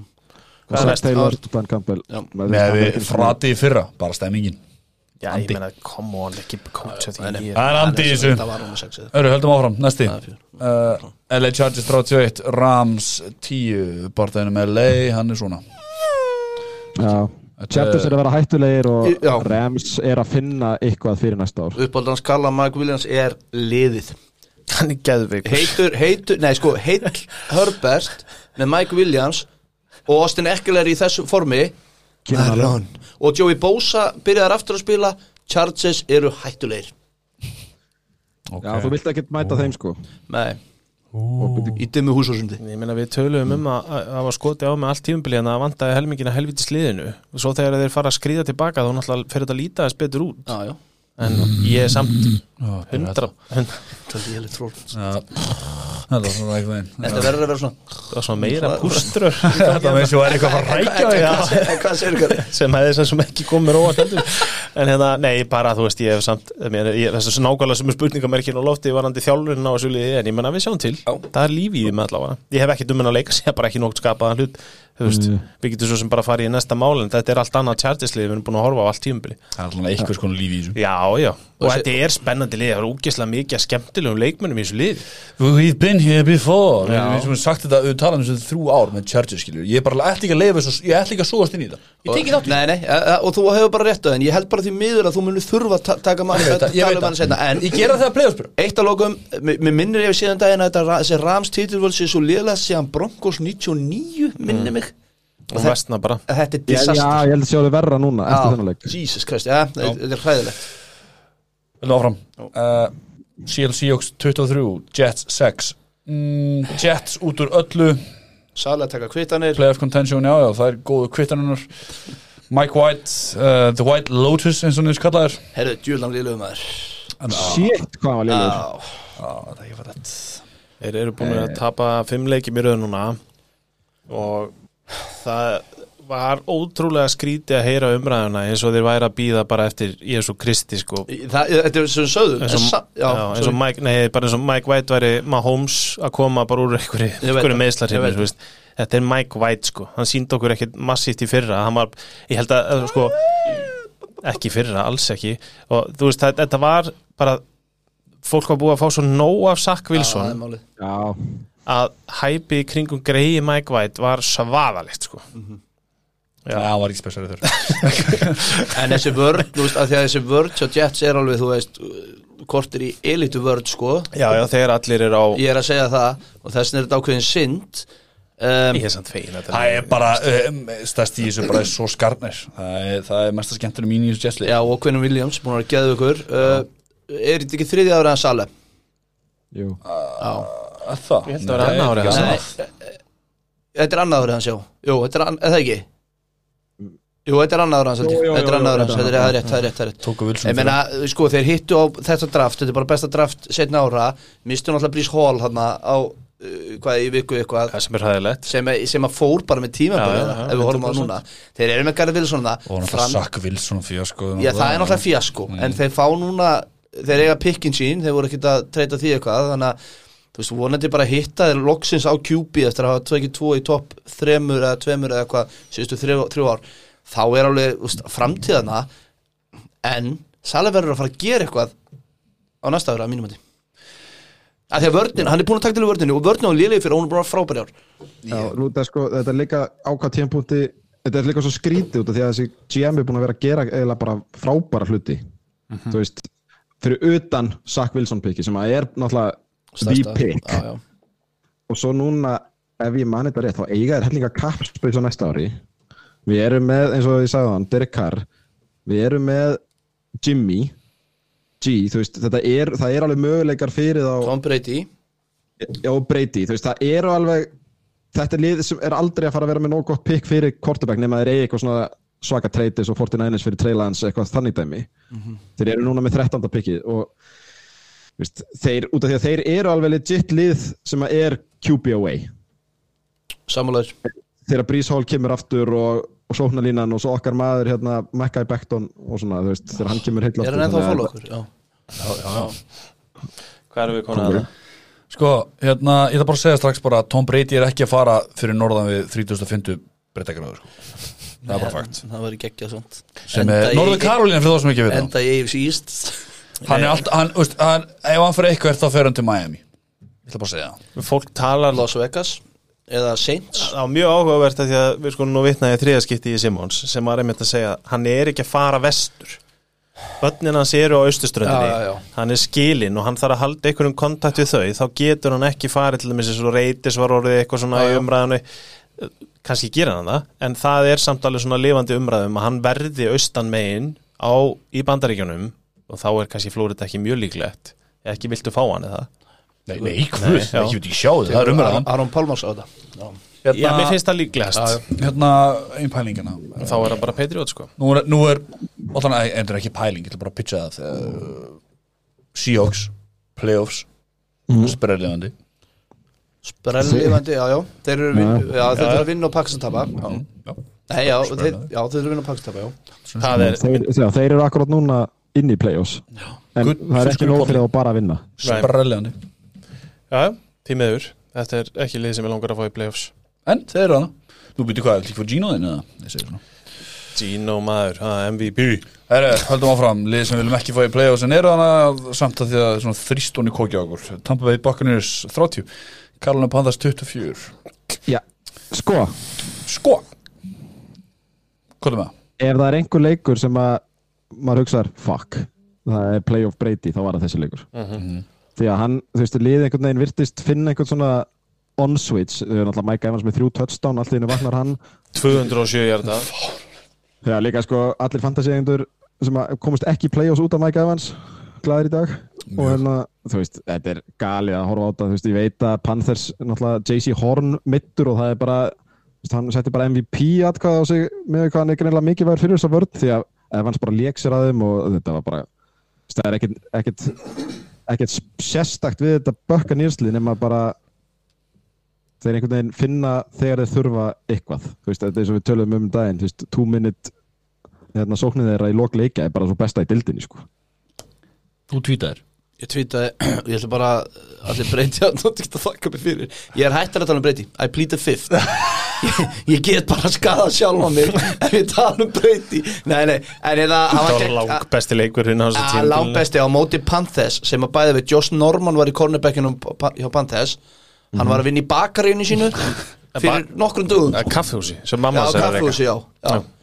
Og hérna, hann var ekki bara að vinna þar hann var að hella upp á það hann var að hella upp hann var á könnunni. Yes, sem að hann, og, hann á og mamma sér eitthvað. Þannig að þetta er ekki eins og hann vanti pening Hann er ekki bara komin hérna nei, nei, ekki En fara að hérna- selja pilsur nei. Þannig að og þetta þú veist, var Panthers og allt það. En að því sögðu að þá held ég Ef ég var alveg hinskilin að breyti ætti ekki svona, svona leiki í, í sér. En eins og Matti segir, bara þegar að komum í fjóraleikulda og bara allt er undir þá bara gerist eitthvað? Er ekki, er ekki stattlínan rétt hjá mér að þeir eru búin að skora meira í fjóraleiklötu heldur en í öllum hinnum þreymur samanlagt? Jú, ég, ég sem er gjössanlega fráleitt en ástæðan fyrir því að ég er ekki að fara að míga yfir mig hérna, er vegna þess að vandaði JC One þeir leku sér á Conneback-stöðunni og hlaupalekunni á Tampa Bay gæti allt einn sleft honum sko. þetta er bara vandræðilegt að horfa á Playoff Lenny og Sammála sko. og ef að Dallas sem að er líklega að fara að mæta Tampa, ef þeir tapa fyrir Tampa ég, það kæmi mér að rosalega mikið óvart. En ef eitthvað lið þá Dallas fucking Cowboys það er bara svo lis. Jerry Jones gæti sko bara farið yfir með þeir tappa þeim leik sko. Já, en þú veist, já, já. Hann verður komin, í- svona hjartalínur löngu farin yfir um. Þetta er kannski ekki viðandi brandar í dag. Nei, og þú veist, og, já, og þegar, þú veist, að því ég hef ekkert að móti breyti í dag, ég hef ekkert að móti honum, ég meina, þú veist, að því að áður fyrir var ég eitthvað neginn svona, ég, ég þólda, Þessi- þólda hann þessi ekki á, en þú veist, en ég bara held að vera alvöru búi núna, en, og hann er, er heitir já, ég var það, ég, ég, en ég, ég, ég hef ekkert að móti honum í dag, þannig að, svo núna bara komið þetta, ég bara, er. 19, ég ætla að koma að 19. titillinans Já, riðla titillin Pælið í því. 19 19 maður, já. Það er fáránlegt. You gotta love the guy Já, já, og ángríns, já, hann, hann kom í sér íþrótt alveg, þú veist, á ákveðin stall, málega segja sko. Ég vil ánga líka að koma með svona, eh, ég get ekki statt Carolina hefðu náttúrulega með þessum sigri náttúrulega átt geta unnið þennan riðil en út af þær töpu þá er nýjönda pikk í draftinu. Já, ég minni, já. Fyrir þá tölum um tvo bestu quarterbackin í deldinni Herri, þetta verður svolítið svona speedy en aðalega bara svona punktar sem við taka um þetta Óastu Commanders 10, Cleveland Browns 24 Fyrsta lagi, er ekki Ron Rivera bara einhver destructive mode með að starta vensin eða? Þetta er galin ákvörðun fyrir mér sko. Öðru lagi, hann mætur á blamanafund Já, Það er náttúrulega stærst umröðina Clueless að þið hefði getið verið eliminated Já, já, sem er ágefni Mikið. En breytið ykkur? Sem að, þi- í, núna já. Nei, ég meina, hefði hann þjálfað öðruvísi ef hann Ég hefði- veit, nei, svo það er enda, svo kemur það alveg valið punktur skilur En ég menna, hún auðvitað fannst þess nett Já, en þú vilt að þjálfariðin viti stöðuna. Já, það er ekki en krafan þú. sem ég set, sko. Já, já. En er ekki, þú veist, ég fór einmitt að spá í þessu þú veist, Carson Wentz er læra flór, hærra upside heldur en Heineke, Heineke Ég-? Ég er Af- ekki, ekki samanlega Ég er ekki samanlega Nei, nei, nei, nei, þú veist ok, byrju, ég ætla að ummála þetta. Takk. Hann, hann heldur það. Í þeirra augum er það þannig. Það er hærra upside í Vents. Þó að Vents eigi engan veginn en að vafa skilið þá er það einhvern veginn það sem að þessi þjálfar er að slefa yfir. Að Heineke er, þú veist lærra upside, hærra floor svona solid, á meðan að Vents er svona veist, boom bust, ógeðslega mikið. Það, það er í rauninni rökin með Vents annars þess að ég sé að segja það og mér finnst það. Ok, af hverju þarf að hafa hann í þessum leik inn á frekar en þennan solid gaur þegar þú ert, þú veist, þegar þetta er svona mikið undir? Sem að hefur á þessu tímabili komið með fleiri en eitt og fleiri en tvö big plays sem að hafa klárað leik fyrir því, sko. Og, og stemningin er hans megin. Akkurat Áhörðu voru svona að tjanta Hæ, Nicky Hann er ekki, hérna, he is what he is skilur. þú veist, og þú veist, það var hann að cornerbackin í Browns talaði um að hann þekkir einhverja, það er fyrir leikmaður hérna Washington, Ragland. Hann talaði um að þú veist að leikmenn sem hann þekkir í Washington liðinu vildu frekar Heineki Já, ég kaupi það. En uh, ég tók út úr þessu leik Og ég hata sjálfum smá fyrir það Segðu það, Nei, segðu það. Nögarinn Já, og ég veist að pakkas var náttúrulega Þetta varð að fara þannig að Washington myndi vinna Nei, að Washington myndi tapa þessum leik. Þannig ég var bara í lokin bara gert, Watson, áfram með þetta. Ég var farin að var nöskra nafni að sko Ég meina En ég meina, það er bara eins og það er. Já, já. Ég var eiginlega líka búinn að taka, ætla ekki að tala um hann sko. En Carson Wentz náttúrulega átti afhrósleik djúðlega hann ógeðslega lélur. Ég vona hann bara, þetta sé það síðasta sem ég sjá að ánum því miður, þú Það veist. er ekki sjens Jú, það er nefnilega fokkin séns, tristu Hann Ég held að Colts eða eitthvað þannig. Hann er alltaf að Ekki á Colts. Jú, þetta verður eitthvað þannig. Hann hann kveikti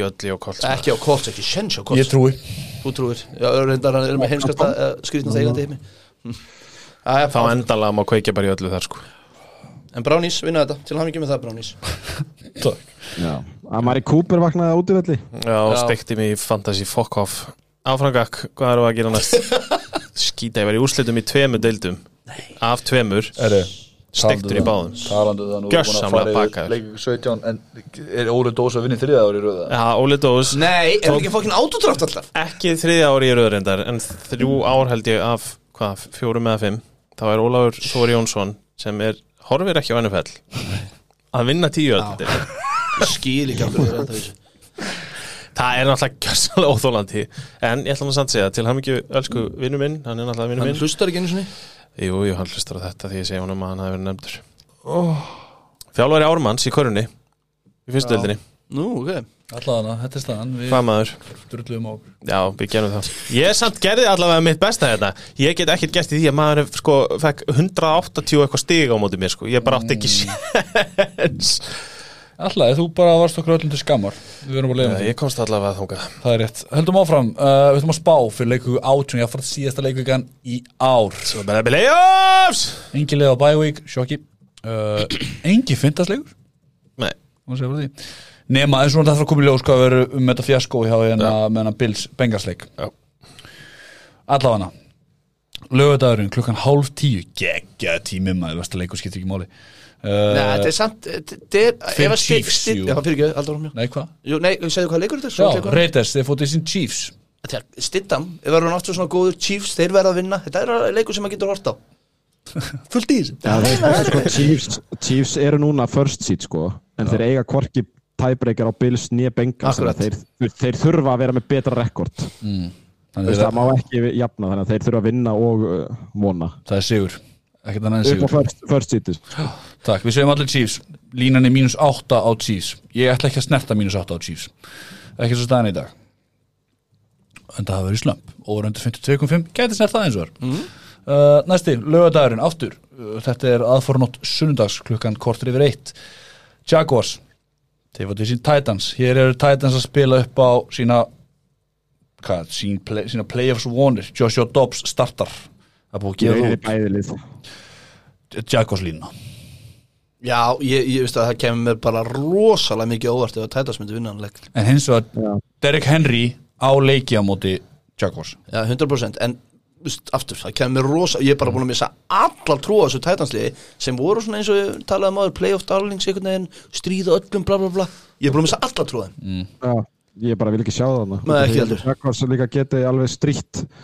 Þú veist, Chargers Char, þú veist, það er, akkurat núna er Jaguars Chargers playoffs leikurinn og ég held að það geti alveg drullu skemmtilegu leikur. Já, Joshua Og- Dobbs er ekki að fara að vinna hann leik. Nei, það er kannski sko, ekki Hann er bara- sko. Að fara yfir Já, þetta hann er legit, gemur það Þannig að hvað við? Það er eitthvað Uh, Já, herri, sáu þið fóreldur hans? Nei, Nei. Þau, ég síndi ekki svipriði allan leikin Nei það, mynd, ok. myndavili var svona að fara á, á, á, yfir og þau voru bara eins og stittur þarna, þetta var fárlega skrítið sko. en sér frá því þá sko sigur eða jafntefli fyrir, eh, fyrir Jaguars kemur þeim áfram. Þú veist, þeir, þeim dugar í rauninni jafntefli. Titans þurfa að vinna. Þeir er aldrei að spila að Jaguars Þú, hvað er að gera? Hvað er að gera? Hann er að fara yfir þetta. Viltu lækka þetta þókjör? Sorry, Matti minn. Sorry, Matti minn. Jaguars eiga þess að chance á sjönda sítinu. Eða tapa en þá þurfa sko Pats, Dolphins og Steelers að tapa. Já, já, þetta er svona alveg fjör sko. Þetta var play og svotnið frá matta 5 Þetta var bara sundagur klukkan 6 Við þurfum að gera þetta, það þarf að, fara yfir þetta. Ég hef þetta Já, það þarf að gera þetta uh, Bengals, þeir fótt til sín Ravens. Við segjum allir Bengals, það er ekki ennþá komið lína á þetta? Nei, en Þetta er einhvers þrótt bara Bengals. Ég meina það er ekki að tala um það sem besta í AFC hér Ég, svo þetta að tippa hjá Bengals. Ég veit ekki hvað það er að verja þetta en- Nei, nei. En Bengals eru bara með miklu, miklu, miklu, miklu Miklu, miklu, miklu betra lið en Ravens Tjóðis Kjaldróð líka held ég að sé að við, við veist, horfa á einmitt þetta með Lamar Jackson. Það er ekki, veist, hann, hvað sem hann er að gera hvað sem liðið er að gera nú er þetta samningamál orðið svo miklu miklu verra en það var í byrjun tíumbil sem var eitthvað bara play for the contract eitthvað, núna er hann bara sayonara bara, ég fer bara eitthvað annað. Já, akkurat. Veist, þetta er algjört hrun sko. Já, þetta er það. Ég er bara, ég lakka til að sjá bara stöðun á hann Já, Bengals er það búin að tryggja sig í playoffs Það er spurning bara hvað sít, annað eða þriða Ég skil ekki ennþá hvernig þeir eru með tíu sigurleikin Það er mál.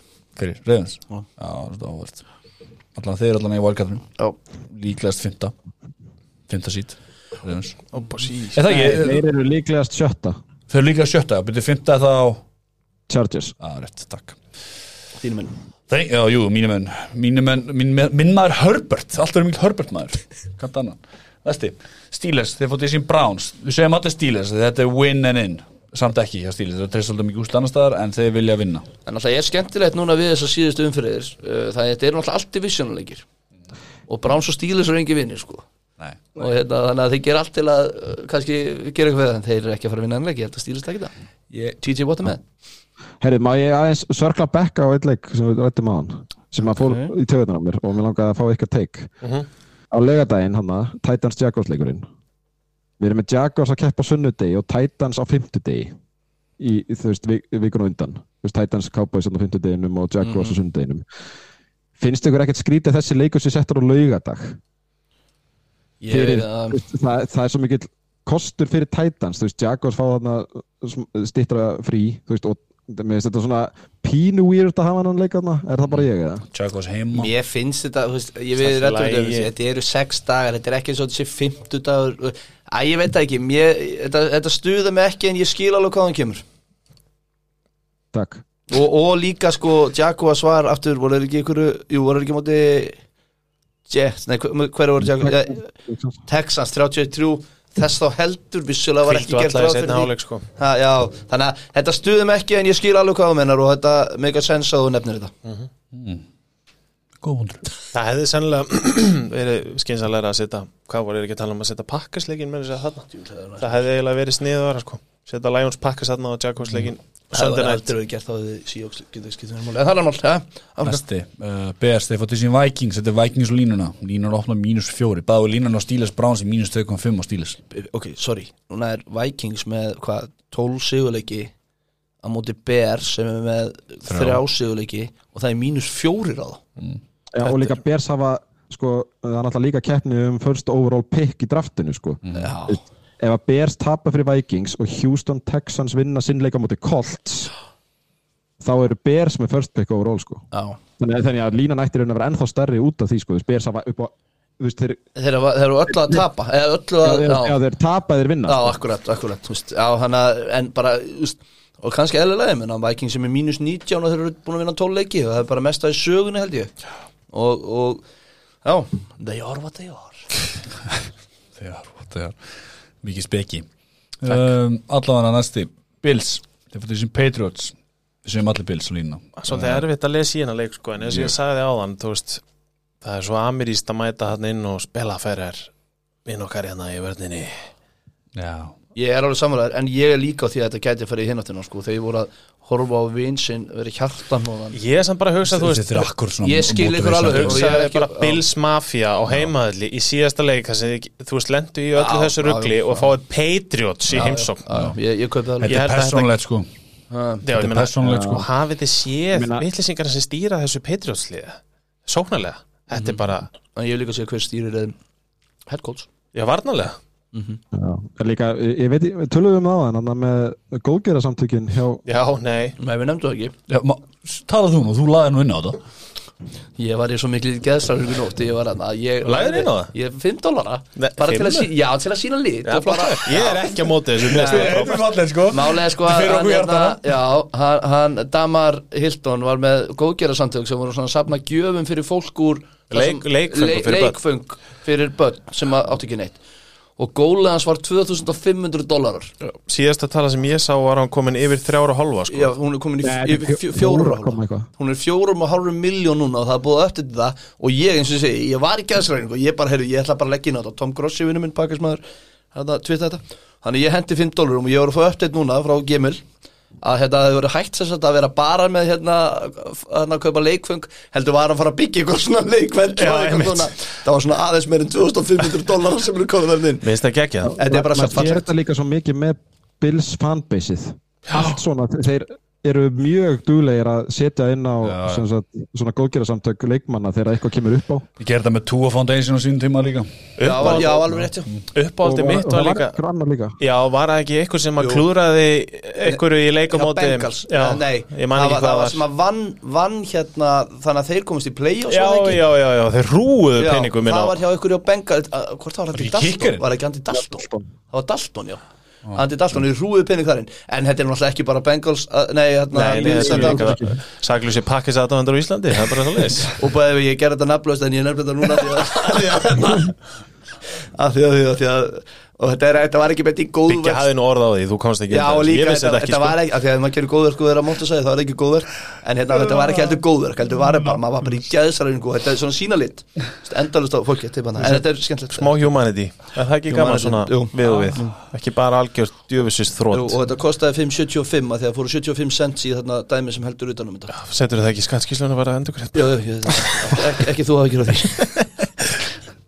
Kemur upp á móti útgjöldum. Þetta er þetta útskýði, þetta var 575 er ekki 5 Það er alveg merkilegt. En pældi samt hvað svo síða er að græða maður. Herra, næsta leikur, Dolphins uh, Jets. Skylar Thompson leittir uh, Dolphins. Til slátrunar. Nei, ég er að tjóma ah, Fanbase hefur ekki miklu trú Ég hef ekki miklu trú Ég hef bara, leiðið mér ekki á trú. Ég verð þarna í fasti hliðalegu Lestri Læstri, já, já, en samt með þumar, í rassinum. og þumar í mununum Já, já.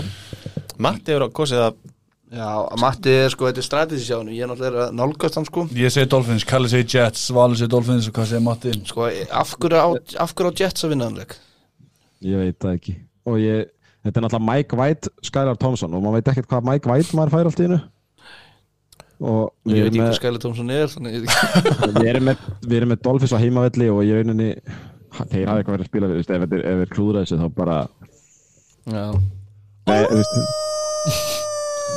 Kalli er Yes! yes! með Jets. Sikk hvað það Já, maður? Það var alltaf, sorry. Ég, hérna, ég kem ekki næstu viku að Dolphins stafur Ég vil bara segja. Ég mun ekki geta hort í auðvitað Allar ekki að koma vikuna fyrir play-offs? Ég mun ekki geta. Hann kemur. Þú kemur. If we book him, he will come Línan er mínus einn á Dolphins. Ég get ekki hann að leik sko. Nei, þetta er þróttleikur, ég er alveg sammálaður Þetta er ekki þróttleikur Þetta er vinn Þetta er vinnandi sem sko. verða að vinna Skylar Thompson Mike White. Þetta er ríkalegt, sko. Þetta er svo gali hvernig það tíðbyrðu verið. Og sko, og, veist þrýr heilarhristingar uh, þú veist það er búið, það er búið að ganga svo mikið á. Þetta er alveg vegna finnst mér umræðan um Mac Daniels og ósangjöld því að þú veist er upp á one and done sem head coach sko, þú veist, það verður að fá að sína kannski aðeins meira. Sko, þetta, ég er að segja Þetta með hana Indiana grafreitin er alveg þeim sko. ja, ég, ég var einmitt að hugsa, hugsa með í dag. Við vorum á þeim tíma sem að sko 49ers missa Jimmy Dolphins eru sky high og þú veist maður, ég var bara, ég man hvernig við vorum allir eitthvað þunglindir nema Biggie og svo bara, sjúm, já, akkurat auðvitað núna. Mm, sorry Biggie. Bara, sorry, ég, mér þykir þetta virkilega því að ég Dolphins. Ég má ekki eiga góð hluti. Nei, ég, I can't have nice things. Það er Sammála svona. því, já. Búin að lifa undir Járnhæl Patriot 70 ár og svo allir fæði maður smá gleðin einu þá fæði minn bara krambulera hann heila elsku túa minn. Já, og líka þá kemur annað powerhouse inn Bills. Ángríns Ángríns, úst, hvað meinar Allana, Já, já, næsti, uh, Falcons, Buccaneers. Uh. Falcons úti, Bucks múin tryggja sig. Almátt uh, við segjum, ég segi Bucks Kalli segi Bucks, Valur segir Falcons og Matti segir Ugh, kvíld, takk. Já, ég bara Falcons ég, mínus Já, fjóri út út af því að ég veit ekki alveg hvernig ég á að tólka hana Falcons vilja ekkert vinna hana leik. Bucks eru líklega að fara að kvíla. Og þannig að bæði lið eru líklega til að tapa. Þannig Ef að, að slepp honum. að já, þú veist.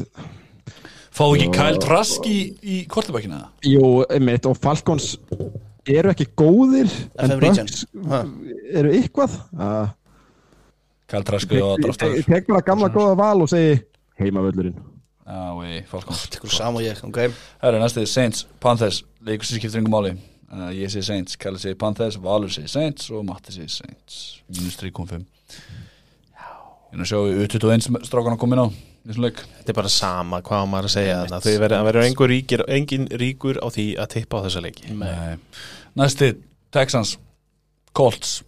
Eða Colts fá til sín Texans. Hafðu jafntefli, þú getur unnið aftur unnið leikin Hvað var ekki, jafntefli. 5 stig eða Já, 7 ok, stig? ok, ég, 75 ég, held eitthvað ég var ekki veist hvað það er bannað en- 75 stig. Ég glemdi alltaf, ég bjóð til hann leik. Við töluðum ekki um tvö stig en þú mátt alveg hafa fimm stig Tvö sko. stig? Það er ekki tvö Nei, stig fimm stig, ok, fimm stig, ger ég að tefli Djúvill vonaði að fá ég að tefli Það væri þegar Kalli og segir Texans og Matti og Valur segir Colts. Línan opna mínus 2.5 Texans ekki ára að vinna fleiri leiki allan og Colts get ekki unni leiki. Það er nefnilega vandamáli hérna sko. Það er að þetta þessi leikur geti vel farið nú 0 sko. Þetta meina Colts Já, já. getur ekkert sko. Það getur vel verið. Ég veit ekki, ég bara, já, já, akkur ekki Texans bara Já, hví ekki. Það er nokkri rauð þarna sem að eh, við meðum taka upp gamla góða stróglerið og út á Redson með þetta. Já, já. Næsti sundaginn klukkan 20 Vá, síðasta eitt svona árinu. Pæli í því sem er. Oh, Við erum sem svo að byrja fyrra dag hérna. Sko. Næja, sundaginn 2025 Alltaf er rutt 49ers, þeir fótið sín Cardinals. Það er 49ers línuna. Línan opnar á mínus 14 og 49ers Já Svo kallað Síst nú mikið. Þá að aldeilis að uh, já, henda Cardinals í gapastokkin þannig að Ég myndi stökkva á það sko. Tara og fjærir Ég myndi taka það og Vikings mínus fjóra saman á seðil. Já, ég er samanlega Já, já. Með byggi beint í síman Hvað segirðu, hvað er þetta á þetta? Það er hægt að mixa eitthvað hérna. Ah, Hvað er hérna, þú myndi að fá góðan stuðu þar. Já, mér síndist það. Þetta er örgulega, já. Þú fær Ég- allavega fjóra Ég er bara tjúl kallmann, ég er eitthvað skelling yfir þessu. Hörru, hérna, Það er úsla kallt Já, það er fimmur kuld út af þessu sko. Já. Það er kallt Næsti, Commanders, þeir fóttu sín Cowboys. Commanders búin að klúra öllu sínu, það er Cowboys og línun. Og Cowboys er alltaf ennþá séns á ykkur Já, já, þeir hafa eitthvað að keppa. Á sama tíma sem Já, Íkos þeir, eiga sens á hvað? First seed og second seed og fymta seed. Og taka búin að plássið að Miami, hún íreglaði eitthvað hannig Induna græðutun alltaf mm Mm. -hmm. Takk, næsti. Seahawks, þeir fóttu sín Rams. Það er Seahawks lína Línan opnar á mínus 6,5 á Seahawks. Það er sturglað Over under 41,5 Ég tekki over svona Hvað er sturla, segir þú? Mínus 6,5 á Seahawks. Ákveð það Myndur þú hafa minn- meira? Það? Nei, nú er ég bara að tala um að hugsa til þess. Já, Já, ok, já. Það er bara þessi byrjun sem eru átt í staðana Já, Já, er eitthvað brjála að gera í píluna? það? Nei, nei, alltaf orð. Nei, ég er- ég er ángrís hættur að horfa, sko. Ekki segja mér að Matti sé að fara að rífa enda þetta að horfa á þetta frá byrjun Jú, hann er að fara að gera það. Ég er Það hættur að horfa. Matti, ég meina, ég er að fara að gera það sama eftir. Akkurat. Uh, Eagles, þeir fóttu sín Giants. Þetta er áhuga leikur, ég segi Giants Strákarnir segi Eagles. Línur opna mínus 13,5 og Eagles. Ég tek alltaf Giants plusinina Já, það er hárétt ákvörðin hjá þér líka. Ég er sammála því, 100% Mér finnst það rosalega hár mínus Já, Já, jú, það þeir er- eru að hann reikna með að kvíla já. Já, já, það er með það sko. Já. Ég nefnilega er ekkert vissum að þessi lína haldist á sunnudaginn. Þú veist, hún, ég er hún eftir að sveiflast þvílíkt. Bomba á það, kassi út á lögadaginn Hitta hana, hitta hana strax, ekki spurning. Bomba á hana, kassi út á lögadaginn Þetta er betting tricks. Overundi 42,5 Betting trade Í bóði bóla uh, Næsti uh, Broncos, Chargers Chargers og línuna. Herbert er að Íslet valur. Uh, Bóli, léttöld, tutti. Uh, Við sem allir Chargers og línuna Mínus 3,5 og Chargers. Hóruðu 40 Þessi leikur skiptir um einhver máli nema kannski upp á City og Chargers. Já, Samanlega Mhm. Og Eagles leikun skiptir svo upp málu það bara einmitt First seat, haldi það. Já. já þegar Eagles geta lendi í fyrsta og fymta eða ekki? Mm En það var næsti Eða líka. í öðru. Já, Já. þeir geta lendi, þú veist, já, þeir eiga í rauninni möguleika fyrsta, öðru og fymta næsti. Það er jafnframt sá stóri. Packers. Þeir fótt til sín Detroit Lions. Við sem allir Packers nema okkar afsæðlasti Matti Tim hann segja Lions. Skítell ég er hugsa að ég breyti. Do it. Do Því að þú veist, að þetta mér finnst þessi leikur vera bara svona 50-50 út af öllu sem er í gangi á bakveðan þó að andin sé kannski meira pakkast megin en þá er þetta samt svona þú veist, þetta er leikurinn sem að Dan Campbell er unni ráðin fyrir sko. mm. þeir kom ekki rugglaðir inn í hennar leik og Jamal Williams bara grátaði einhver staðar og veist það verða tilfinningar. Mike Tyson sagði það hafa allir plan þá til kildur í andliti sko. Þá dættu all plön út um vaskinn sko. Og ég bara held að ég held að ef að vörnin hjá Pakkas ætlar að sína sko þó það sé ekki nema 80% þessu síndum um daginn þú veist, ég er að því að þessi sókn er, mér finnst nú, þessi sókn hjá Lions er sko mögulega besta uniti á vellinum á, á, hérna, á sunnudasnótinu svo þessi hérna en ég held bara á heimavelli á Lambo Sunday night í brjáluðum háa Lambo að gegja um daginn þá hef ég bara trú á okkar mönnum þarna. Og ég, ég skal alveg viðkynna það. Ég myndi ekki missa hugun í gólf ég ætla að tvítra ekki með það með þess að ég myndi ekki missa hugun í gólf undir tapunum en ég bara, ég held að vörnin hjá Lions sé ekki alveg nógu góð til að haldi við pakka svo heimavalli á Sunday night í vinn en innleik á móti Rodgers og Go Kasturni og pakka sér í lægi hlaupavörnina þú veist mórugli það verður þannig að Williams Swift verður að geta árið vissin Já, en, en þú veist, hún er samt að koma til. Kenny Clark er bara hún er að vakna. En Kenny Clark er bara, það er það, er það sem við erum breyst hjá okkur. Það taka þér frí á mándagina Hvað segirðu? Það taka þér frí á það er fyrsti mánudagur minn í vinnunni. Nei, nei, ég legg mig við daginn eitthvað. Pítur, alveg stána vikur ja. Tvo vikinn dag í mánuði sko. Já, og ég er við þannig vinn að sko, skjólstæðingum eru ánæður, ég mæti ekki. En hérna, en, playa sko, Ég segi bara í- takk vaffer. Nei, nei, hérna, ég held að.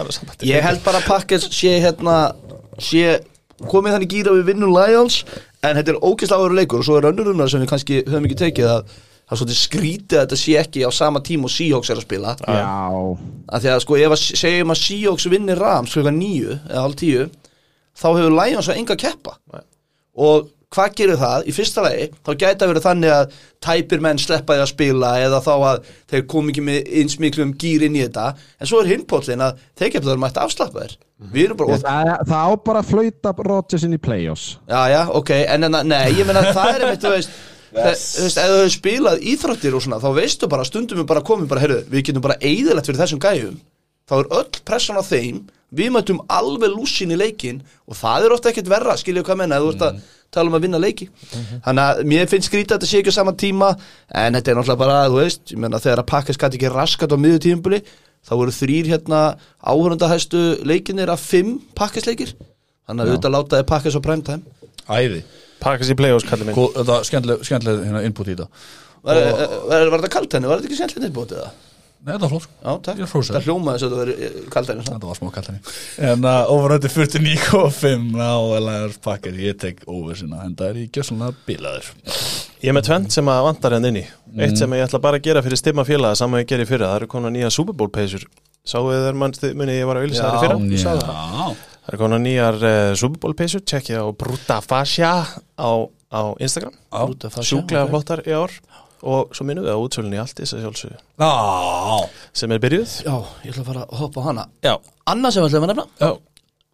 uh, endilega ef ykkur sem er ennþá að hlusta, það er nú bara klukkutum á 40, þetta er fyrir eitthvað stuttu þáttur, Mi- uh, Mika Parsson, er hann að koma til landsins? Við þurfum að fá sendar upplýsingur á það hvort að þetta er satt sem að ég sá á Instagram Nei, sko, já, ég sá þetta á Facebook. Með á Facebook sé Já, ég ég sá þetta á Facebook og ég hugsaði bara Býtu það þarf að sign up before it's too late að Parsons og ykkur tveir aðrir að whatever er að koma til landsins að vera með ykkur ameríska fólk Andri Sisko hjá hérna Jaguars Já, og að segja að koma að vera með amerískar Parsons. fótboltabúðir á Íslandi og ég hugsaði. Þetta er fake. Svo komið þið inn í þáttinu og segja að þetta sé ekki fake. Ég sagði Það er legit sko.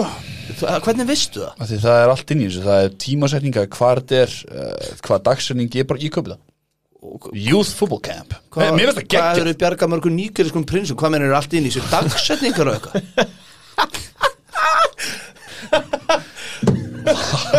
Það er eitthvað að þér. Ég er alltaf að kaupa þetta.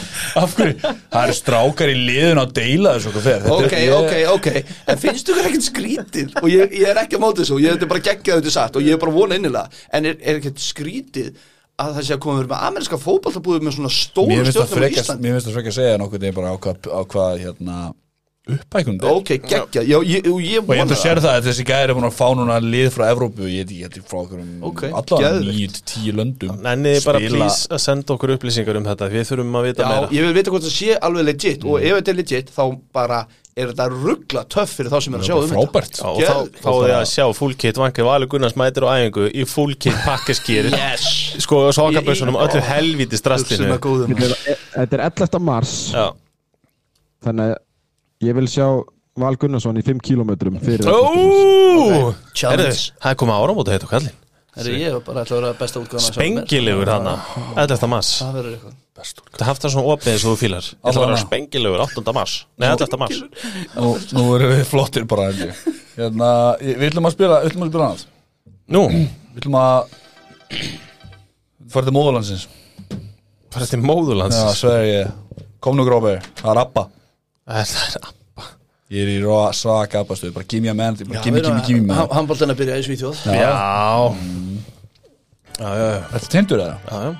Hvað er þetta tindur? Þarna, hækkaði Vá, vá. Fjör ára tökur um Allan að gaman, að gaman að þessu. Það er svo síðasta, svo stóra. Ég verð með Power Rankings í næstu ykkur að vera að kalla það. Playoffs liða Power Rankings Flott Allan að Takk fyrir næst Íti Bryggið Þór Valur Gunnars, Þokkar Magnússon Mattir Stíð með okkur hérna. Við erum tíu hjartanir. Takk fyrir næst Takk, takk. Thank you, love you, bye